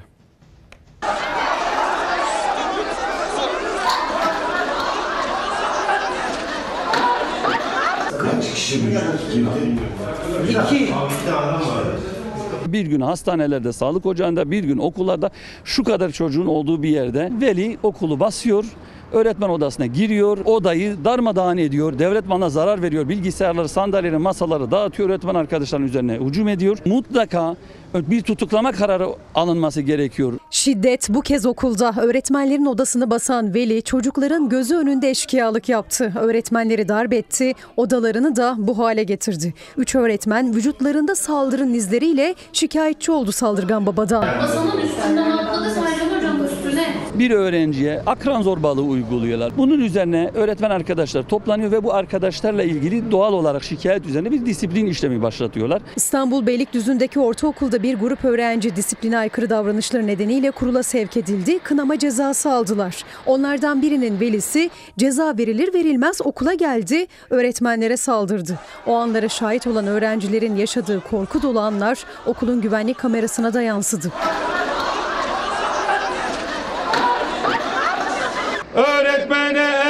Kalkmaz, eli öpülür. Eğitim Birsen saldırının yaşandığı okulun önünde açıklama yaptı ve sağlıkta olduğu gibi eğitimde de şiddetin giderek arttığının altını çizdi. Tutuklama talep etti. Ağır ceza olmadıkça bu saldırının da son olmayacağını hatırlatarak. Üzüntümüz şudur ki bana bir harf öğretenin 40 yıl kölesi olurum anlayışı ile bilgiye, bilgiyi öğretene saygıyı, medeniyetimizin ve kültürümüzün temel taşları haline getiren bir toplumdan öğretmenlere şiddetin sıradanlaştığı bir topluma dönüşmüş olmamızdır. Adana Günaydın Fersan Kurt diyor ki çevremizde vuku bulan savaşlardan sonra ülkemize gelen yabancı ve mülteci sayısında gün geçtikçe artış görüyoruz, gözlemliyoruz. Az önce yine e, giren haberle ilgili bir bilgiyi de ekleyeyim. Milli Eğitim Bakanlığı yaşanan okulun içinde yaşanan bu durumla ilgili hem inceleme hem de soruşturma başlattı. Şimdi gelelim Fersan Bey sizin dikkat çektiğiniz konu aslında bugün gazete pencerenin de manşetindeki konu. Hemen e, okuyalım bilgisini de yine sizlerle paylaş, paylaşmış olalım. Gazete Pencere'de deniliyor ki 2 milyon insan nereye gidecek? Ee, Hamas'ın saldırısının ardından İsrail Gazze'deki sivilleri kenti terk edin diye uyardı ve ağır bombardıman başlattı. İki gündür kentin her köşesinden dumanlar yükseliyor. İsrail Gazze'yi sürekli bombalıyor. Kentte yaşayan yaklaşık 2 milyon sivilin ise gidecek bir yeri yok. Şehirden tek çıkış kapısı Mısır sınırındaki refah ancak İsrail dün orayı da vurdu. Peki 2 milyon insan nereye gidecek? İşte burada sürekli zaten söylediğimiz konu bu. Siviller, insanlar, acı kayıplar az önce izlediniz. Bir baba ailesini kaybetmiş, perişan halde bir çaresizlik ve o yüzden orada bir insanlık suçu işleniyor.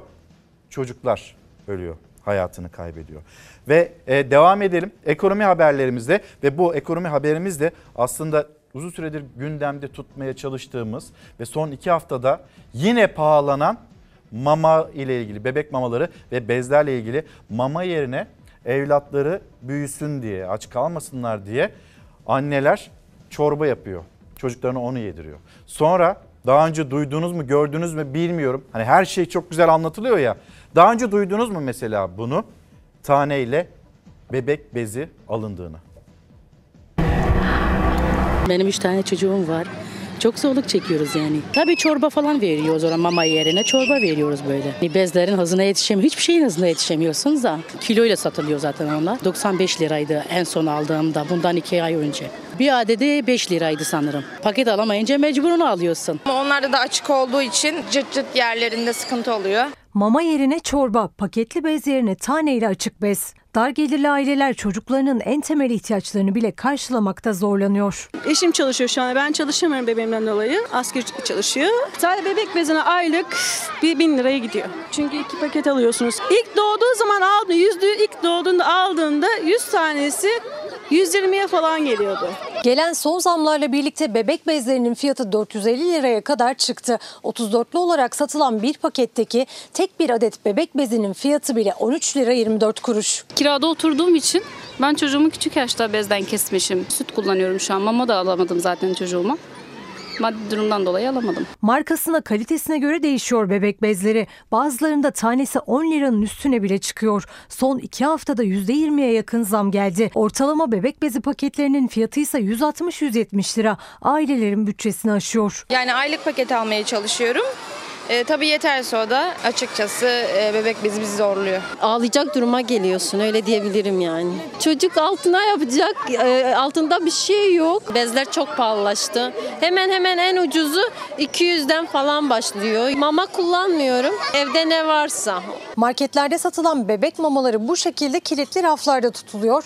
800 gram mamanın fiyatı ise yaklaşık 480 lira. Sadece bez değil mama fiyatları da zorluyor dar gelirliği. Alamayan ya çorba yapıyor ya da kendince karışımlarla evladının karnını doyurmaya çalışıyor. Ya üç çocuğum var. Ben eşim kiradayız. Şu an pazar var. Pazara gideceğim. Ne alacağım ne yapacağım onları düşünüyorum. Şimdi yerel gazeteler Diyarbakır'ın manşeti, Yeni Gün gazetesinin manşeti minibüsler zamların hızına yetişemiyor. Diyarbakır'da ilçeler arası minibüs ücretleri akaryakıt fiyatlarındaki artışlar nedeniyle bir yılda 3 kez zamlandı. Hem minibüs işletmecilerinin hem de yolcuların tepkilerine neden oluyor bu durum. Mersin Hakimiyet Gazetesi ve çiftçinin sesini duyun. CHP'li Çakır çiftçinin sorunlarını yerinde takip etti ve Ufuk Çakır üreticinin destek beklediğini ifade etti. Üreticinin zarar ettiğine dikkat çeken Çakır çiftçinin sesini duyun dedi. İzmir, İzmir'in manşeti profesör depremi 9 Eylül Üniversitesi ve Ege Üniversitesi Tıp Fakültelerinde görevli yüzde yakın öğretim görevlisi hekim üniversitelerinden istifa etti. İzmir Tabip Odası Başkanı Profesör Doktor Süleyman Kaynak sağlık eğitiminin alarm verdiğini söyledi Yeni Gün gazetesi. Adana 5 Ocak gazetesine de bakacağız. Şimdi sizleri bir Malatya'ya götürelim mi? Söz vermişti. Vargas Malatya'ya geleceğim demiş, demişti. Ben zaten Malatyalıyım demişti. Hemşerileri onu nasıl karşıladı? Memleketine hoş geldin Vargas pankartları ve sloganlarıyla.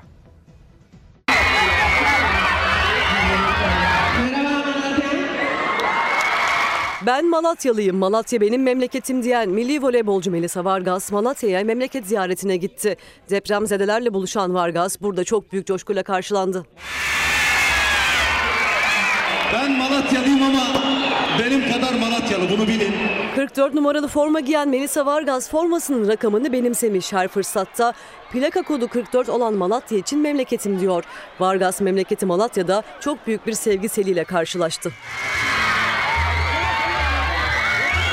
Bugün benim için çok çok güzel bir gün.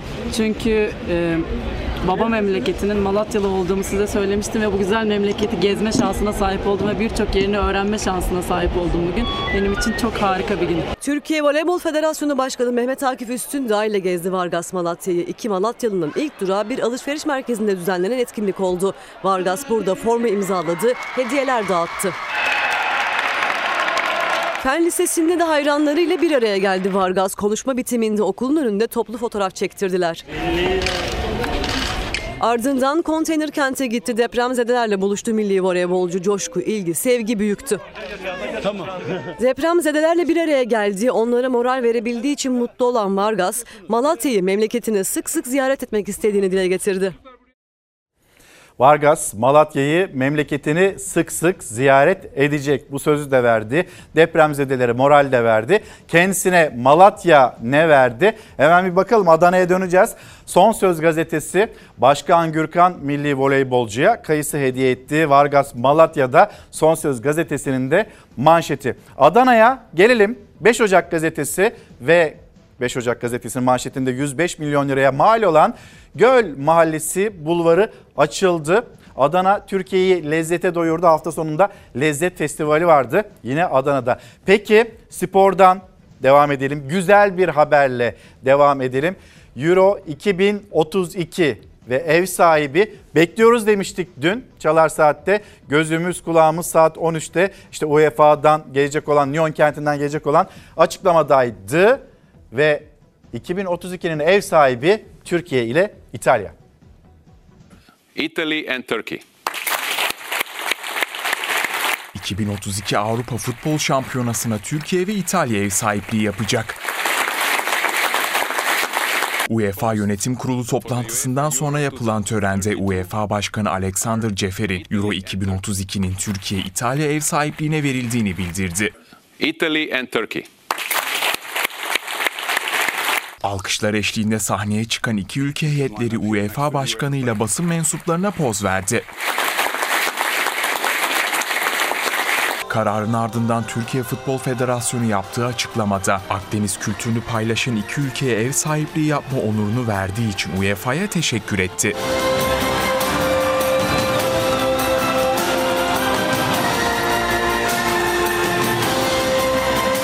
Gençlik ve Spor Bakanı Osman Aşkınbak kararın Türk sporu için önemli olduğunu söyledi. Türk futbolu için de önemli bir sayfa açılmış oldu. Törende Euro 2028'in Birleşik Krallık ve İrlanda ortaklığında yapılacağı da ilan edildi.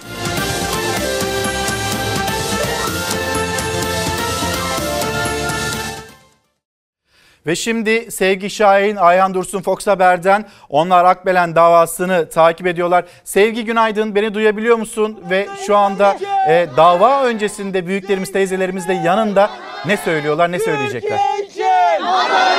Herkes için! İlker Karagöz bugün Akbelen davası görülecek. Saat 2'de Muğla, Muğla'da görülecek. Muğla merkezde biz şu anda Muğla Milas'a bağlı İkizköy'deyiz. İkizköy'de köylülerin yanındayız. Temmuz'dan beri 24 Temmuz'dan beri mücadele ediyorlar. Mücadele ediyorlar. Aslında 2 yıldır mücadele ediyorlar. Topraklarına, zeytinlerine, havalarına, sularına sahip çıkıyor köylüler. Bugün de davalar görülecek. En son e, Akbelen Ormanı'nın kalbine kadar gelmişti maden sahası. O maden sahası buradaki tarım arazilerini, zeytinlikleri yok etmişti. Biz de buraya gelip haberini yapmıştık. Köylülerle konuşmuştuk. Evlerine, burunlarının diplerine kadar gelmişti maden sahası. Zeytinlerin üzeri bir karış tozdu. Burası çok değerli bir bölge. Köylüler anlatacaklar bize. Onları da çok ayakta tutmak istemiyorum. Yaşlı teyzelerimiz var bugün. Yürüyüşe geçecekler biraz sonra buradan ve e, Muğla'ya kadar gidecekler. Efendim buradasınız. Neler söylemek istersiniz Akbelen için? Topraklarımızı koruyoruz. Elinizde zeytinleriniz var. Zeytinlerimizi koruyoruz. Çamlarımızı koruyoruz. Ne oldu burada? Jandarma müdahale etti. Neler yaşandı bu buralarda? Buralarda işittiler, su verdiler, su septiler. Biber gazı sıktılar. Biber gazı sıktılar. Siz peki bu topraklarda büyüdünüz. Gençliğiniz geçti. Şimdi buralardasınız. Ne hissediyorsunuz? Vermiyoruz. Topraklarımızı, zeytinlerimizi vermiyoruz. Kaç yaşındasınız efendim? 77. 77. Ha. Yan tarafta da bir teyzemiz var. Efendim siz neler söyleyeceksiniz? Ne söylemek istersiniz? Çamları, zeytinleri, çalıları kırdırmayı istemiyoruz biz. Orman olmasa bizim memleketimize yağmur düşmez. Ormanın sayesinde çay geli, mal su içe. Çeşme akar, insan desti doldurur. Ben böyle istiyorum. Ne edelim? İlker teyze buradaki yaşam döngüsünü size anlatıyor. Sular giderse hayvanlar içemez, topraklar kurur diyor. Siz neler söylemek istiyorsunuz? Ben de ormanlar, çamlar, zeytinler, tarlalar alınmasın. Vatanımız gitmesin. Biz burada doğduk, burada büyüdük. Biz burada için... Anlayıcı orada. Kestik sıra benim yüreğim kalkıvattı böyle kesildik sıra. E, Koca yıkıntılı gittiler oraya böyle koca yıkıntılık. E öyle olasıya Cenab-ı Allah görüp durur diyeyim onu birisinden huru geçe. Biz, biz vermiyoruz. Biz toprağımızı, vatanımızı vermiyoruz. Biz ilke modeli şey olduk, gittik. İkinciye gitmek istemiyoruz. Ben toprağıma, zeytinime sahip çıkıyorum. Çamlarıma sahip çıkamadım, üzüldüm. Bu dandırmalar, bu hükümet bizi çok baskı ediyor. Biz hiçbir şey vermiyoruz. Şöyle söyleyelim İlker, köylüler de yürüyüşe geçiyorlar. Ee, bu bölgede köylülerin nöbet alanı vardı, çadırları vardı. Bu sabah oraya gittiğimizde hiçbirini göremedik. Tamamen dümdüz olmuş. Maden sahası orayı yok etmiş durumda. Maden sahası öyle bir ilerlemiş ki biz köylüler ona cehennem çukuru diyorlar. O cehennem çukuru bütün buradaki tarım arazilerini mahvetmiş durumda. İşte saat 2'de Muğla, Muğla'daki davada 22 bin dönümlük maden maden sahasının genişletilmesinin iptali davası ve Akbelen Ormanı kesim izni ve açık maden ocağı işletme izni iptal davası görülecek. Burada muhataplar Orman Genel Müdürlüğü ve Enerji Bakanlığı.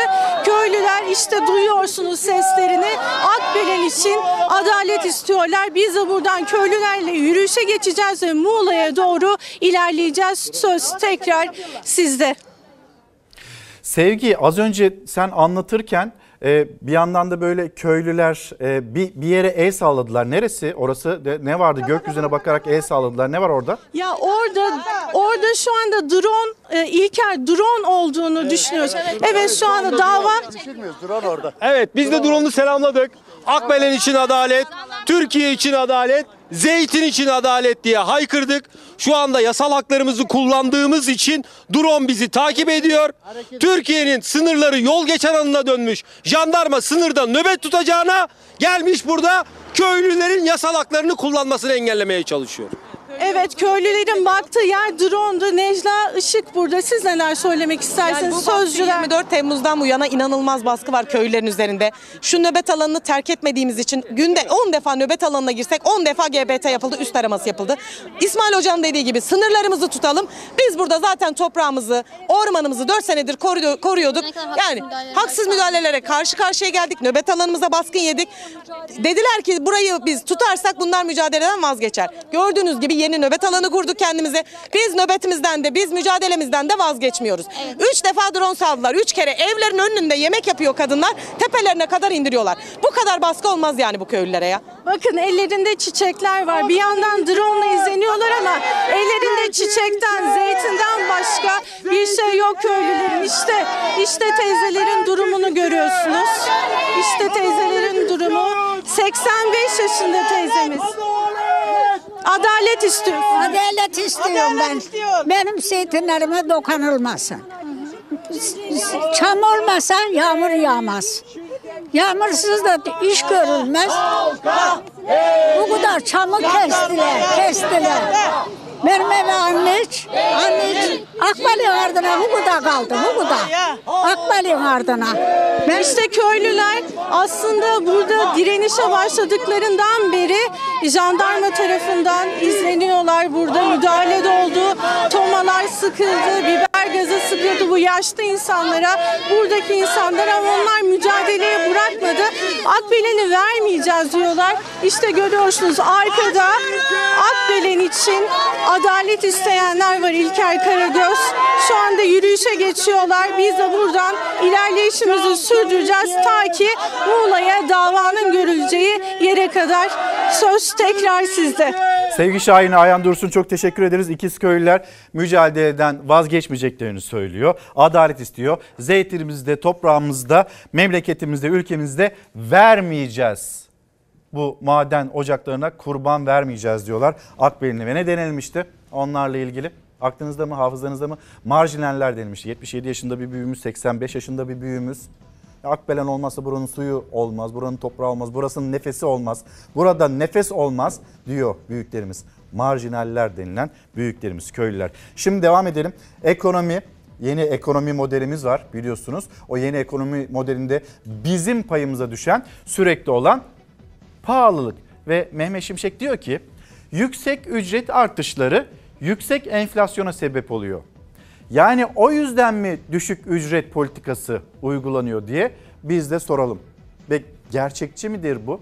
Siz ne söylersiniz? Ücretler yüksek olduğu için mi enflasyon yüksek? Yoksa iyi yönetilemediği için ekonomi acaba fiyatlar bu kadar yüksek mi? Enflasyon bu kadar yüksek mi? Önümüzdeki 1-2 hafta içerisinde Abu Dhabi, Doha ve Riyad'a gitmeyi planlıyorum. Bizim derdimiz Türkiye'ye doğrudan yatırımları arttırmak. Gidiyorsunuz körfez ülkelerine. Acaba borç para bulabilir miyim diye. Vermiyorlar. İstikrar yok diyorlar sizde. Hazine ve Maliye Bakanı Mehmet Şimşek yeniden Körfez turuna çıkıyor. Göreve geldiği günden bu yana 5 ay içinde 4. ziyareti olacak. Şimşek ziyaretin amacı yatırım diyerek açıkladı. Muhalefete göre iktidar para arıyor. Para yok, para içinde şimdilik dilenmeye iktidar kanadı devam ediyor. Birleşik Arap Emirlikleri ile ise bu programın ilk somut adımları için belki bir son bir ziyaret olacak. Borçla yürütmek bu işi mümkün değil. Çünkü borç demek faiz demek.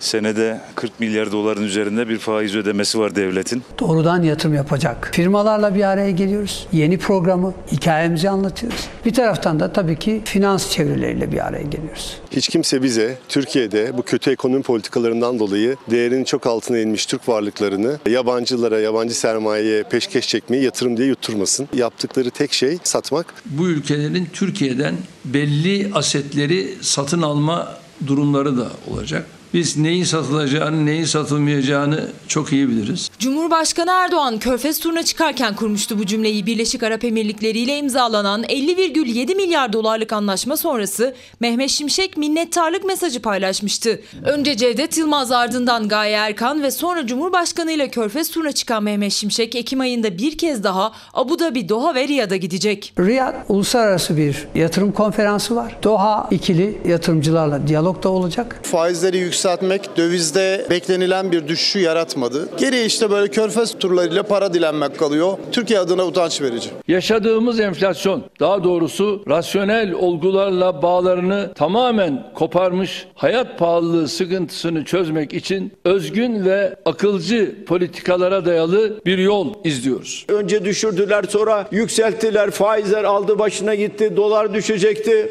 Tam tersine Türk lirası eridi doların karşısında hiçbir önemi kalmadı. Öyle bir noktaya geldik ki ekonomi artık dikiş tutmuyor. İstihdama ihtiyacımız var. Bizim yatırıma ihtiyacımız var. Bizim ihracata ihtiyacımız var. Bunun için de rasyonel politikalar lazım. Bunun için uluslararası normlara uygun politika çerçevesi lazım. Seçim sonrası Erdoğan faiz sebep enflasyon sonuç tezini rafa kaldırdı. Her geçen ay Merkez Bankası faiz artırıyor ve bugün Erdoğan faiz artışı için akılcı politika diyor. Özgün ve akılcı politikalar sebebiyle biz bugün bu yüksek enflasyonu yaşıyor olabilir miyiz peki? Yani e, faiz sebep enflasyon sonuç denildi. Sonra faiz düştü, enflasyon patladı. Bu da özgündü. Türkiye modeliydi mesela. Herkes can hıraş savundu. Cumhurbaşkanı Erdoğan bu tezi ortaya koydu. Karşımızda yüksek enflasyon. Yüksek ücret artışları yüksek enflasyona sebep oluyor diyor Mehmet Şimşek. Yani önümüzdeki günlerde hatta bunun tarihi de veriliyor. Enflasyonla ilgili özellikle e, 2024'ün e, ikinci yarısına kadar enflasyon yükselmeye devam edecek ve ondan sonra durulacak deniliyor. E, peki düşük ücretle hayatı nasıl çevirmeyi düşünüyor, planlıyor? Orada da özgün bir yöntem mi izlenecek? İnsanlar ücretleri düşük olduğu için gıdanın dışında hiçbir şey alamayacaklar. O zaman esnaf ne yapacak? Esnaf ne satacak? Sonra deposundaki ürünler onları satabilecek mi? Yoksa daha fazla esnaf kepenk indirmek zorunda mı kalacak? Bunlar ne derece düşünülüyor? Çok emin değiliz. Ama şu düşünülüyor. Emeklilere ikramiye verelim mi? Verelim ama hepsine vermeyelim. 5 bin lira işte 12.2 milyon emekliye verelim. Diğerleri onlar zaten çalışıyor. Onların zaten belirli bir geliri var. Ve biz zor durumda olan emeklilere verelim diyor Çalışma Bakanı. Öyle düşünmüşler. Hedeflerini de bu şekilde ortaya koydular. Şimdi isterseniz bir soluklanalım. Reklamlara gidelim. Reklamların dönüşünde yine dünyadan, memleketten, yaşamdan haberlerimiz olacak. Utanç verici başlığı altında konuşuyoruz.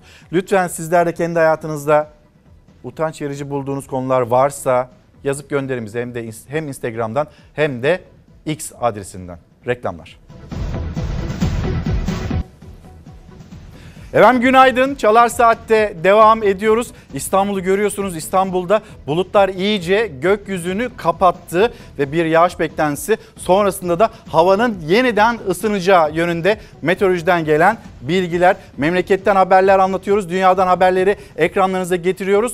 Şimdi hemen Orta Doğu'daki savaşa dönelim. Havadan, karadan, denizden sürekli bomba yağıyor ve İsrail e, Sağlık Bakanlığı tarafından yapılan yeni bir açıklama ve burada Hayatını kaybeden insanların sayısı 950'ye yükseldi. 200'den fazla kadın, 260'tan fazla çocuk hayatını kaybetti.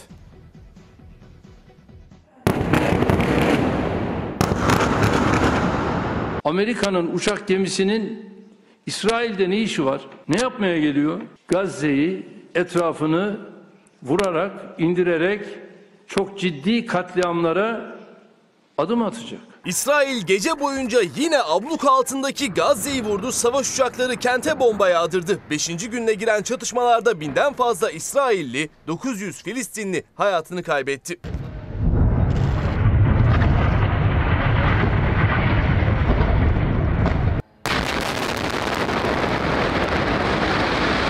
Hamas ve İsrail arasındaki çatışmaların 5. gününe girilirken Orta Doğu'da kan ve gözyaşı dinmedi. Hamas, İsrail'in Aşkelon kentini hedef aldı. İsrail savaş uçakları sabahın ilk saatlerine dek Gazze'yi bombaladı. Can kaybı her geçen saat daha da arttı.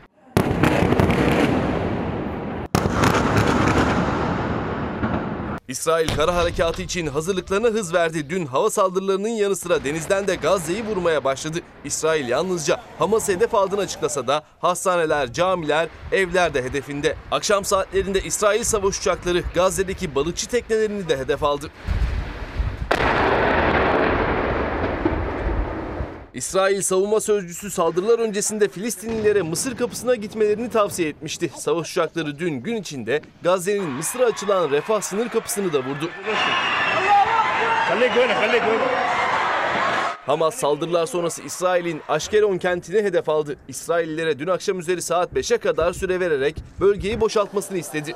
Daha sonra şehre roket yağdırdı. İsrail'in hava savunma sistemi devreye girerek roketlerin büyük çoğunluğunu imha etti. Düşen bazı roketlerse yangınlara yol açtı. Çatışmalar şiddetlenirken Hamas ve İsrail'den karşılıklı resleşme geldi. İsrail Başbakanı Netanyahu Gazze'ye hava saldırıları sadece başlangıç dedi. Hamas'ın sözcüsü Ebu Ubey de İsrail'i tehdit etti. Gazze'de uyarı yapmadan vurulan her ev için İsrailli bir kişiyi infaz edeceklerini öne sürdü. Sözcü İsrail'le olası ateşkese de açık olduklarını duyurdu.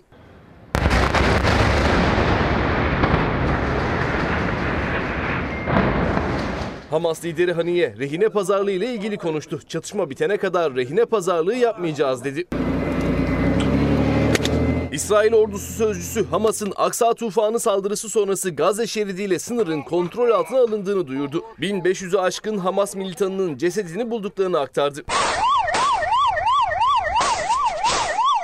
Beşinci gününe giren çatışmalarda can kayıpları artıyor. Şu ana kadar saldırılarda 260'ı çocuk, 200'ü kadın, 900 Filistinli hayatını kaybetti. İsrail'de de 1000 kişi yaşamını yitirdi. Endişemiz bizim çok çok şu anda büyük durumda. Bir haftada 15 günde bu işin biteceği kanaatinde değilim. Can kayıpları artarken dünyayı şaşırtan bir iddia geldi. Mısır istihbaratının saldırı öncesi İsrail'i Filistinli gruplara karşı uyardığı ancak İsrailli muhataplarının bunu dikkate almadığı öne sürüldü. Rusya lideri Vladimir Putin de İsrail ve Hamas savaşı ile ilgili ilk kez konuştu. İsrail-Filistin çatışmasının Amerika Birleşik Devletleri'nin Orta Doğu politikasının başarısızlığının canlı örneği olduğunu söyledi. Washington'ın Orta Doğu'daki düzenlemeleri tek eline almaya çalıştığını savundu. Amerika Birleşik Devletleri Başkanı Biden ise bir kez daha İsrail'in yanındayız dedi. Amerika'nın İsrail'e destek için gönderdiği savaş gemisi de Akdeniz'e ulaştı. İsrail açıklarına doğru ilerliyor. Amerika'nın uçak gemisinin İsrail'de ne işi var? Ne yapmaya geliyor? Gazze'yi etrafını vurarak, indirerek çok ciddi katliamlara adım atacak.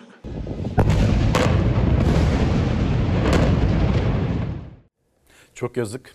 Filistin'de hayatını kaybedenlerin sayısı 950'ye yükseldi. Tekrar söyleyelim 200'den fazla kadın, 260'tan fazla çocuk, siviller hayatını kaybediyor. İsrail tarafında da öyle, Filistin tarafında da öyle. Dünyanın gündemi Orta Doğu'daki savaş, memleketimizde gündem geçim ve emekliye yapılan o 5 bin liralık ikramiye, çalışan emekliye verilmeyen ikramiye, çalışanları kapsam dışı bıraktık çünkü dedi Çalışma Bakanı. Hedefimiz geçim sıkıntısı yaşayan ve zor durumda olan emeklilerimize destek vermekti. Özellikle şunu vurgulamak istiyorum. Emeklilerimiz, çalışanlarımız, işverenlerimiz, üreticilerimiz hiçbir zaman enflasyonla e, karşı karşıya geldiklerinde bu tahribata mağdur kalmayacaktır. Emeklilere verdiğimiz değerin gösterilmesi açısından da Sayın Cumhurbaşkanımızın bu müjdesi çok e, karşılık buldu. 5000 lira nerede kullanacaksın? Bir şey alıyorsun. 500 lira. Aylarca uyuttular uyuttular. Bir parmak bal çalıyorlar. O. Bilhassa emeklilerimizin yaşadığı sıkıntıları çok iyi biliyorum. Emeklilerimize bir defaya mahsus olmak üzere 5000 Türk lirası ödeme yapmayı kararlaştırdık. Hiç vermese maaşa zam yapsa ondan daha iyi. Nasıl memurlar öz evlat devletin emekliler de öz evlat yapsın. Ben alsam ne olacak ki 5000 lira alınca ne yapacaksın ki? Hem emekli olup hem de fiilen çalışmaya devam eden emeklilerimizi bu düzenlemenin dışında bırakıyoruz. Emekliyiz ama şu anda yetmiyor yani bize. 7500 lira ne olacak? Mecbur çalışacağız. İşte meşgulsünüz. Kargo, hamallık yapıyoruz. Burada önemli bir e, kısas getirdik. E, emekliler içerisinde çalışanları kapsam dışında bıraktık. Çünkü onlar bir ölçüde bir gelir elde ediyorlar. Geçim derdinin yükü biraz olsun azalsın diye sırtında her yeni gün yeni yükler taşıyor emekli Uğur Gündüz. Çünkü 7500 lirayla geçinebilmek mümkün değil. Tüm emekliler gibi onun da gözü kabine toplantısındaydı. Ocak ayından önce zam umuyorlardı, bulamadılar. Kasım ayında ödenecek ikramiye ise 5000 lirayla sınırlı kaldı. Üstelik çalışan emekliye yok. Oysa onlar zaten geçinemedikleri için çalışmak zorunda kalıyor. E, Türkiye şartlarında açsın. 7500 TL emekli maaşımız var. Bozdur bozdur bitmiyor. E bitmeyince de biz de böyle çalışmak zorunda kalıyoruz. Ayrımcılık olur yani bir yanlış olur. Madem veriliyorsa topyekun bütün emekli olmuş çalışsın çalışmasın. Bizim hedefimiz özellikle e, geçim sıkıntısı yaşayan ve zor durumda olan emeklilerimize destek vermekti. Çoğu emekli geçinemediği için zor koşullarda asgari ücretle çalışıyor. Emeklilere bir defaya mahsus olmak üzere 5 bin lira bir ödeme yapılacak. Ancak çalışan emekliler bu ödemeden yararlanamayacak. Sabah geliyoruz saat 9.30-10'a kadar çalışıyoruz yani. Bu sokaklarda yağmurun altında çalışıyorum yani dışarıdayım sürekli. Da görüyorsunuz kargo topluyorum ben. Kargolar ağır. Her birisi 150 kilo, 200 kilo. Akşam gittiğimizde yürüyemiyoruz hale geliyoruz. 7500 lira yetse zaten bu yükün altına girmeyecek çalışan emekliler. Bir umut ara zam bekliyorlardı. Ancak zamdan hiç bahsetmedi Cumhurbaşkanı Erdoğan. Çalışan emeklilere 5000 liralık ikramiyenin verilmeyecek olmasıysa ikinci hayal kırıklığı oldu. Yaklaşık 16 milyon emekli var. Her 4 emekliden biri ikramiye alamayacak. 12,2 milyon emeklimizi doğrudan etkileyen aldığımız bu kararın hayırlı olmasını diliyorum. Kasım ayının 15'ine yakın ilk döneminde, ilk çeyreğinde inşallah bu ödemeyi yapacağız ve hesaplarında emeklilerimiz bu rakamı görecekler. Geçinemediğimiz için çorap satıyoruz. Şu şartlarda bu ortamda mümkün değil geçinmek yani. Yani bu paralarla devletin verdiğiyle dahil hiçbir şeyden geçinemezsin. Pek çok emekli kayıt dışı çalışıyor. Onlar ikramiye alabilecek ya da konutlarının gelirleriyle geçinen emekliler var. Onlar da ikramiye alabilecek. Maaşı yetmediği için kayıtlı olarak çalışan ya da esnaflık yapan emeklilere ikramiye yok. Dul ve yetim maaşları da zaten çok düşük. Onlar da hisselerine göre ikramiye alabilecek. Yani 5 bin lirayı bile göremeyecekler. Ben emekliyim. Burada bekçilik yapıyoruz. 2019'da emekli olduğum zaman emekli maaşım asgari ücretin %15'i daha yüksekti.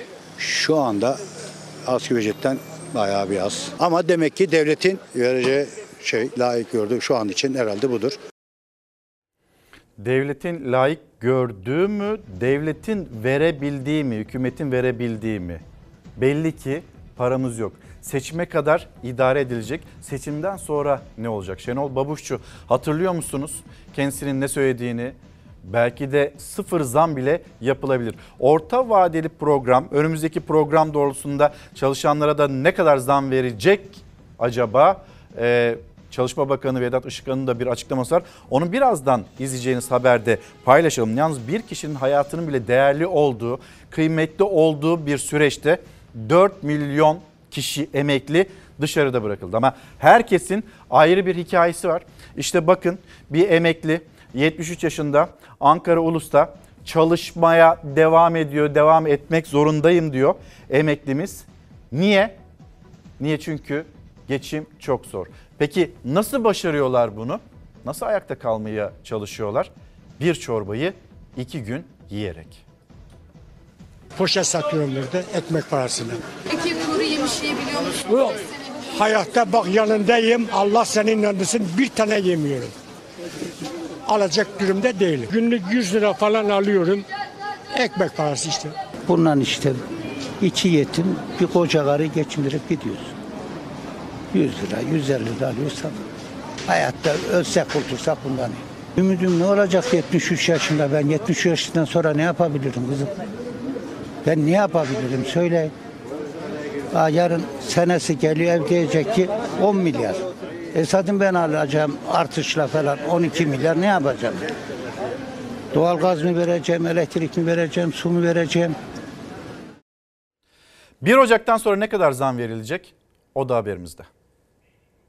Hem emekli olup hem de fiilen çalışmaya devam eden emeklilerimizi bu düzenlemenin dışında bırakıyoruz. İlk kez bizim tarihimizde emeklilerde ayrımcılığa tabi tutuldu. Şu anayasaya baksak anayasaya aykırı bir durum, eşitlik ilkesine aykırı. 5 bin liralık ikramiyenin sadece çalışmayan emeklilere verilecek olmasına muhalefetin tepkisi. Muhalefet ayrımcılık anayasanın eşitlik ilkesine aykırı diyor. Bizim hedefimiz özellikle e, geçim sıkıntısı yaşayan ve zor durumda olan emeklilerimize destek vermekti. Bunu anlamak mümkün değil. Ya adamın ihtiyacı olmasa zaten çalışmaz. Yani ona niye vermiyorsunuz? Bu nasıl kabul edilebilir? Bu anayasanın eşit ilkesine aykırı. Anayasa Mahkemesi süreci de değerlendirilebilir ama ben çok olduğunu düşünmüyorum. Şu an itibariyle herhangi bir genişleme imkanı yok. Diyelim ki çok dar gelirlisiniz ve bir yerlerde çalışmak zorundasınız. O 5000 lira size verilmiyor. Hakkaniyet ilkesine tamamıyla ters. Her bayram verilen 2100 liralık ikramiye de emekli ayrımı yapılmıyor ama bir defaya mahsus verilecek 5000 liralık ikramiye de emeklileri çalışan çalışmayan olarak ayırdı iktidar. Çalışan emekliye ikramiye yok. AK Parti Grup Başkanı Abdullah Güler meclise gelecek düzenlemenin genişleme imkanı yok dedi. Hazine ve Maliye Bakanı Mehmet Şimşek de bütçeyi sonuna kadar zorladıklarını söyledi. Bütçe imkanlarını dün sonuna kadar zorladık. Önemli sayılacak tek kerelik ödeme kararlaştırıldı. Niye çalışıyorsun diye de cezalandıran bir yaklaşım var. Çalışmaya devam edecek vatandaşlarımız için sosyal sigorta prim teşviki getiriyoruz. Amacımız emeklilik sonrası çalışan vatandaşlarımızın bunu kayıtlı olarak sürdürmelerini sağlamaktır. Yani şu çelişkiyi görebiliyor musunuz? Ya bir başka düzenlemede emekli çalışsın diyorsunuz, ona teşvik prim veriyorsunuz. Burada kayıtlı çalışıyor diye cezalandırıyorsunuz. Bunu asla kabul etme imkanımız yoktur. Cumhurbaşkanı 28 Aralık 2022'de EYT düzenlemesinin detaylarını açıklarken emekli olacakların çalışmaya devam etmesini de teşvik eden cümleler kurmuştu. Emekli olup çalışmaya devam edeceklerin kayıtlı çalışması için teşvik ödemesi de yapıyor iktidar. Ama bugün kayıtlı çalışan emekliler ikramiyeden yararlanamıyor. Şu soruyu sormuyorlar. Emekli niye çalışıyor? Yeteri kadar aylık vermiyorsun. Bu adam perişan vaziyette. E nasıl olacak? Geçinemiyor. Çalışanı cezalandıran bir modeli inşa ettiler şimdi. Yılbaşında emeklilerimizin durumunu tekrar gözden geçirecek.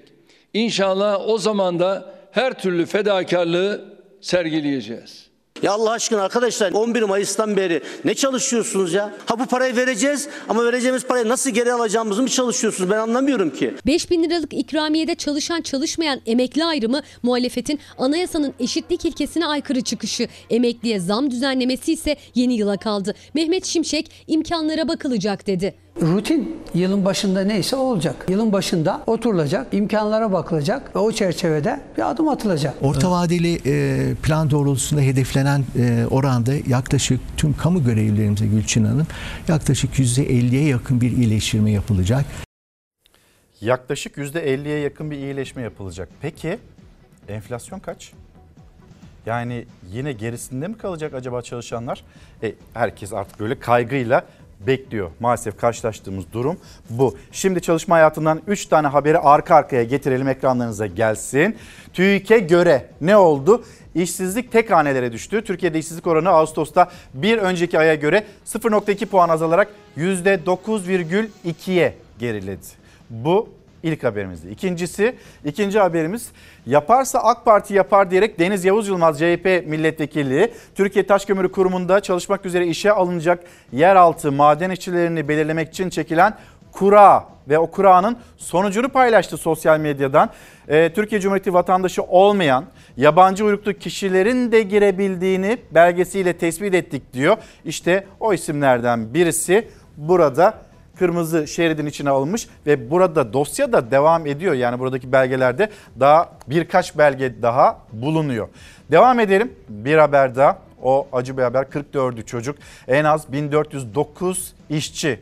İş Sağlığı ve İş Güvenliği Meclisi bu yılın ilk 9 ayını kapsayan iş cinayetleri raporunu açıkladı ve 44'ü çocuk En az 1409 işçi bu yılın ilk 9 ayında hayatını kaybetti. İş cinayetlerinde. Şimdi bir yıkımın öyküsünü, bir ailenin direnişini aslında göreceksiniz. Direndiler ama günler sonra, haftalar sonra işte başlarına gelen.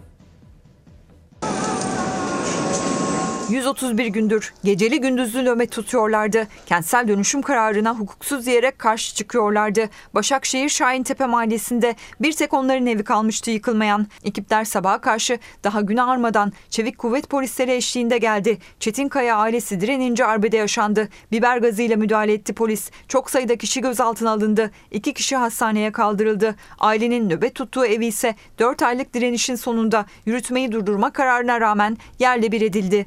131 günde hep böyle nöbet tuttuk. Sabaha karşı 5 sularında geldiler. Ee, ve her tarafı kapatarak geldiler. Hiçbir şey dinlemediler. Burada e, itiş kakış oldu bayağı bir dışarıda. O itiş kakıştan sonra biber gazı sıktılar bize.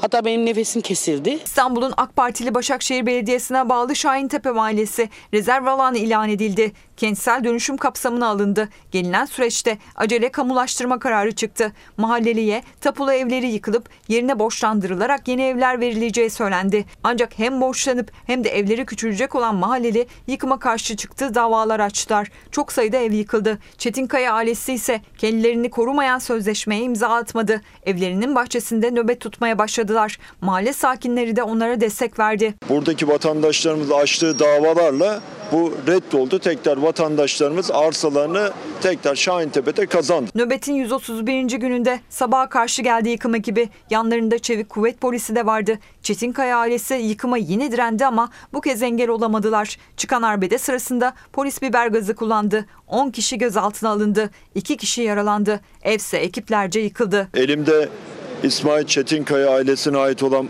mahkeme kararı da var. Vatandaşın arsasına yapılan işgalin e, yanlış olduğuna dair e, mahkeme yürütme durdurma kararı var. Fakat kolluk kuvvetleriyle birlikte zabıtalar dün gece 3 gibi vatandaşlarımızın evini gelip başlarına yıktılar. Türk Eğitim Derneği kuruluşunun 95. yıl dönümünde Atan huzurundaydı. Yaklaşık 10 bin kişiyle Atan'ın ebedi istirahatgahındaydı Türkiye Eğitim Derneği. 95. yılını kutlayan TED ailesi Cumhuriyet'in 100. yılında Anıtkabir'i ziyaret etti.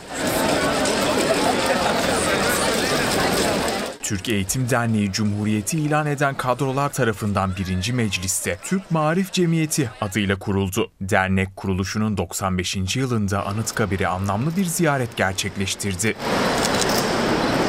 10 Ekim günü 10 bin kişilik bir katılımlı Anıtkabir'deydi TED. Türk Eğitim Derneği Genel Başkanı Selçuk Pehlivanoğlu Anıtkabir özel defterini imzaladı. Deftere yazdığı yazıda TED ailesinin Cumhuriyet değerlerine bağlılığını vurguladı. Eğitimdir ki bir milleti ya özgür, bağımsız, şanlı, yüksek bir topluluk halinde yaşatır ya da esaret ve sefaleti terk eder. Sözünüz bizim daima rehberimiz olmuştur. Eğitimde fırsat eşitliğini sağlamak, ülkemiz eğitim politikalarına katkı sunmak ve değerlerimize sahip çıkan donanımlı bireyler yetiştirmek için var olan gücümüzle yorulmadan çalışmaktayız. Birazdan kız çocuklarımızla konuşacağız. Yalnız önce İstanbul'da Balkan rüzgarı diyelim.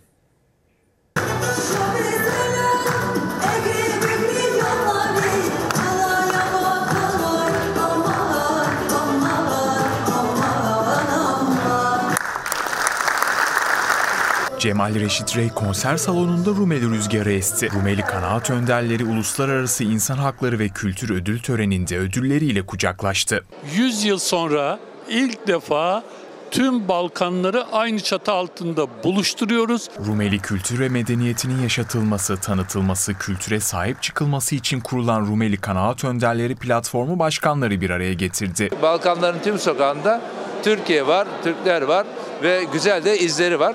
Bizler de istedik ki bugüne kadar özellikle Balkanlarda bu Türk kültürüne, Rumeli kültürüne hizmet eden insanlarımızı ödüllendirelim ve güzel bir hava oluşturalım. Burada toplanıyoruz. Rumeli geleneklerini sürdürüyoruz. Biliyorsunuz Türkiye'de çok sayıda Rumelili var.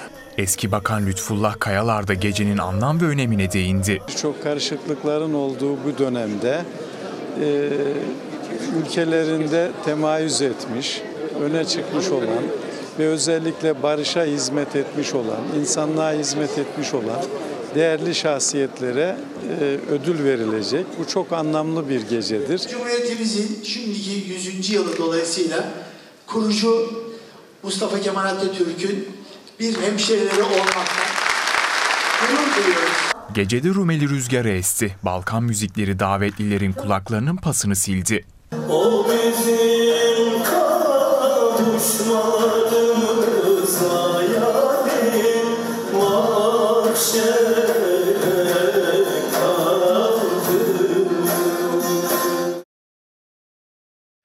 Efendim şimdi bir konuğumuz daha olacak demiştik ve kız çocuklarımızı konuşacağız da demiştik. Koruncuk Vakfı Başkanı Sayın Figen Samuray şu anda Çalar Saat'te. Hoş geldiniz. Hoş Efendim bulduk. sohbetimize geçmeden, konuşmaya geçmeden önce bugün Cumhuriyet Gazetesi'nde bir yer, e, bir haber var. Ve biz bugün kız çocuklarına niye özel bir alan açtık, sizinle neden buluştuk onu da izleyicilerimize anlatalım. Toplumsal yaşamın her alanında eşitsizliklerle mücadele ediyor. Kız çocuklarına, kızlara hayat daha zor ve bugün 11 Ekim Dünya Kız Çocukları Günü ve Figen Hanım da şimdi bu yüzden Çalar Saat'te. Önce hazırlıkları var, bir video var. İzleyelim sonra da konuşalım. Bu iş zor, çok zor yonca. Çünkü gülmeyi unutunca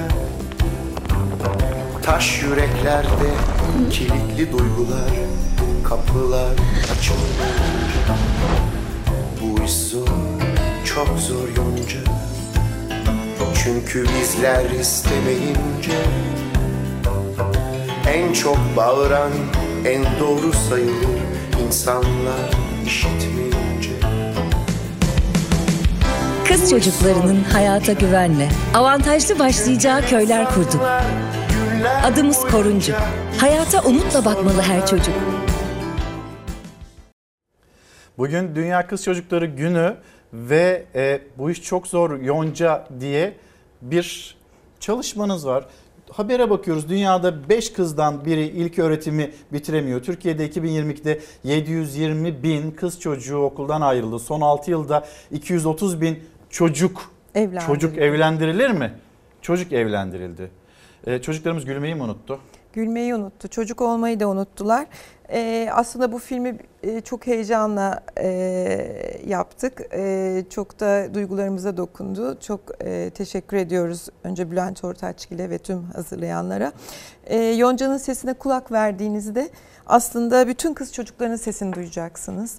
Ve bütün kız çocuklarının e, sadece Yonca'nın değil hayata umutla bakmalarını e, sağlamı, sağlayacağımızı düşünüyorum. E, özellikle UNESCO'nun verileri sizinkiler daha yeni gibi bizim 2021 verilerimiz var. Ee, Ne, o- nasıl bir altı- tablo var o zaman 6-18 karşımızda? yaşları yaşları arasında e, 118 milyon kişi e, okula gitmiyor kız çocuğu 6-18 yaşları arasında. Türkiye'de bu 2021'de 298 bin sizin verileriniz daha korkunç. E, deprem de bu işi çok e, Tetikledi tetikledi. 13 ilde devam mecburiyeti yok. Çocuklar okula gidemiyor. Biz de Koruncuk Vakfı olarak orada da çok yoğun bir çalışmalar içerisindeyiz. E, sonuç olarak çocuklar e, özellikle cinsiyet eşitsizliği nedeniyle e, eğitime erişimini olumsuz olarak etkiliyorlar. Bu konuda ciddi bir haksızlığa maruz kalıyorlar. Peki e, Koruncuk Vakfı böyle olmasın diye kız çocukları için, tüm çocuklar için hem deprem bölgesinde hem Türkiye'de neler yapıyor? Ya da bu çabasını nasıl daha da büyütebilir? E, Koruncuk Vakfı e, depremin ilk gününden beri e, deprem bölgesinde aşağı yukarı e, bağışçılarımızla e, arada kalarak iki tane ilkokul açtık, konteyner ilkokulu açtık. 3-4 tane konteyner kentte e, kız çocuklarını okula göndermeleri şartıyla tüzüğümüze uygun olarak aile yardımı yapıyoruz. E, yine de bu sene kontenjanlarımızın çoğunu deprem bölgesi kız çocuklarımızı ayırdık. Şu anda e, 70'e yakın deprem bölgesinden alınmış kız çocuğumuz var bizde okuyorlar. E, yurtlarımızda okuyorlar. e, 500 çocuğa orada dokunduk. 200-250 çocuğa da burada dokunuyoruz. Ama bizim vakfımızın dokunuşu biraz daha özel bir dokunuş. E, çocuklara bir ebeveyn gibi bakıyoruz burada. Her şeyleriyle uğraşıyoruz, her şeyine bakıyoruz. E, Dünya Kız Çocukları Günü'nde bu nedenle biraz sahiplenmek istiyoruz. Yaş. Peki bu, bu sizde nasıl bir his yaratıyor? O, o çocuklar yanınızda büyüyorlar. Onlarla sürekli birebir de irtibat halindesiniz. Ee, bir ebeveyn gibi. Evet birebir iltifat halindeyiz. Ee, tabii ki e, aile yanında destek verdiğimiz, uzaktan verdiğimiz çocuklarla sosyal hizmet uzmanlarımız e, her hafta konuşuyorlar. Bütün dertlerini biliyoruz. Bütün ihtiyaçlarını tek tek yönetim kurulunda konuşuyoruz. Ama bizim yanımızdaki yurtlardaki çocukları e, gerçekten her hafta bir e, schedule halinde o gün sinirlendiler mi, şunu yaptılar mı? Hatta yemekhanede gidiyorum karşılaştığım zaman dün ilacını içmemişsin diyorum böyle bir panik oluyorlar. e, hepsini okuyoruz, bakıyoruz. E, bu sene neredeyse özel bir dershane kurduk. E, üniversiteye hazırlanmalarını sağlıyoruz. Geçen sene çok başarılı oldular. İlk defa Koruncuk e, yurt olarak 3 senedir mezun veriyor. İlk defa geçen sene e, hepsi üniversiteye yerleştiler. E, biz onlara daha sonra da bakmaya devam ediyoruz. E, burs üniversite sonrası burslarını veriyoruz e, aşçılarımız yardımıyla. Arkalarında olmaya devam ediyoruz. Peki e, bugün Bir Gün Gazetesi'nin de manşetindeydi. E, 44'ü çocuk, 1409 kişi e, işçi, iş cinayetlerinde hayatını kaybetti. Çocuk işçilerimiz var bir de. Çok var. Zaten çocuklarımızın e, tehlikeleri var. E, biz tabii hep kız çocukları diyoruz çünkü e, kız pozitif bir ayrımcılık yaparak kız yurdu açmak zorunda kaldık fiziksel imkanlarımızla. O yüzden affınıza sığınarak hep kız çocukları diyorum. E, kız çocuklarının e, işte 11 Ekim e, Dünya Kız Çocukları Günü şöyle başlamış. E, Because I am a Girl diye bir çalışma yapmış bir sivil toplum örgütü. Çok tutmuş bu. Sonra birkaç ülkenin önergesiyle Birleşmiş Milletler 2012'de bu günü Kız Çocukları Günü olarak kutlamış. Kız Çocukları e, günü böyle anneler günü, babalar günü, 8 Mart Kadınlar Günü'nün arasında biraz böyle eksik kalsa da e, gerçekten çok e, anlamlı e, kızlar kız çocuklarına güç veren çok önemli bir gün. Ee, ve demin sormak istediğiniz soruya görme, girmek istiyorum. Ergenlik yaşında çocuklar özellikle kız çocukları çok önemli yaşamlarında. Çünkü kızların yaşamları ergenlik yaşında şekillendiriliyor. Ya evlendiriliyorlar ya okuldan alınıyorlar ya da işe veriliyorlar. İşte bu küçük yaşta kız çocukların çalıştırılması, evlendirilmesi, okuldan alınması hep er- ergenlik yaşında oluyor. O yüzden Bizim de yaş grubumuz 10-18 yaş e, kız çocukları olduğu için e, biz genç kızların bu savunmaların olmadığı bir yaşta desteklenirlerse onların e, geleceğin özgür ve bilgi kadınları olacağına inanıyoruz ve bugünü Kuruncuk Vakfı olarak biraz sahipleniyoruz. Ee, hemen bir çağrınız da var galiba. Bir SMS attınız bir de destek bekliyorsunuz. Kısacık onu da alayım. Bir de kupa var e, Ee, önünüzde. 47-17'ye mesaj yollarsanız bize Bakabilir yardım miyim? edebilirsiniz. Bu Şöyle Yonca alayım. kampanyamızda sadece bu kupa değil e, birkaç çanta falan hepsini getirmek istemedim defter. E, bunlar da Şöyle iyilik dükkanımızda satışa sunuluyor. Çok teşekkür ederiz. Bunlardan da alarak kurumsal olarak e, vakfımıza bağışta bulunabilirsiniz. E, Ee, peki bu SMS hattıyla ilgili bir cümleniz de varsa onu da alayım. Artık Ee, böyle. 47-17'ye bağış yaparak e, minimum 20 lirayla e, bize sürekli ya da devamlı ya da e, arada bir destek olabilirsiniz. E, çocuklarımız e, bu bağışlarla yaşıyorlar. Başka bir gelirlerimiz yok. Bunların hepsini kurumsal ve bireysel bağışlarla destekliyoruz. E, onun için hepinize çok teşekkür ediyorum. Size Figen de Hanım biz çok teşekkür ederiz. Çok sağ olun. Geldiniz Koruncuk Vakfı Başkanı Figen Samuray. Çalar Saat'teydi ve işte çağrısı Dünya Kız Çocukları Günü'nde böyle çabalarını da anlattı. Biz kendisine teşekkür ediyoruz. Çok sağ olun. Sağ Şimdi olun. hızlı bir şekilde reklamlar. Çok, sağ olun. teşekkür Biz ediyoruz.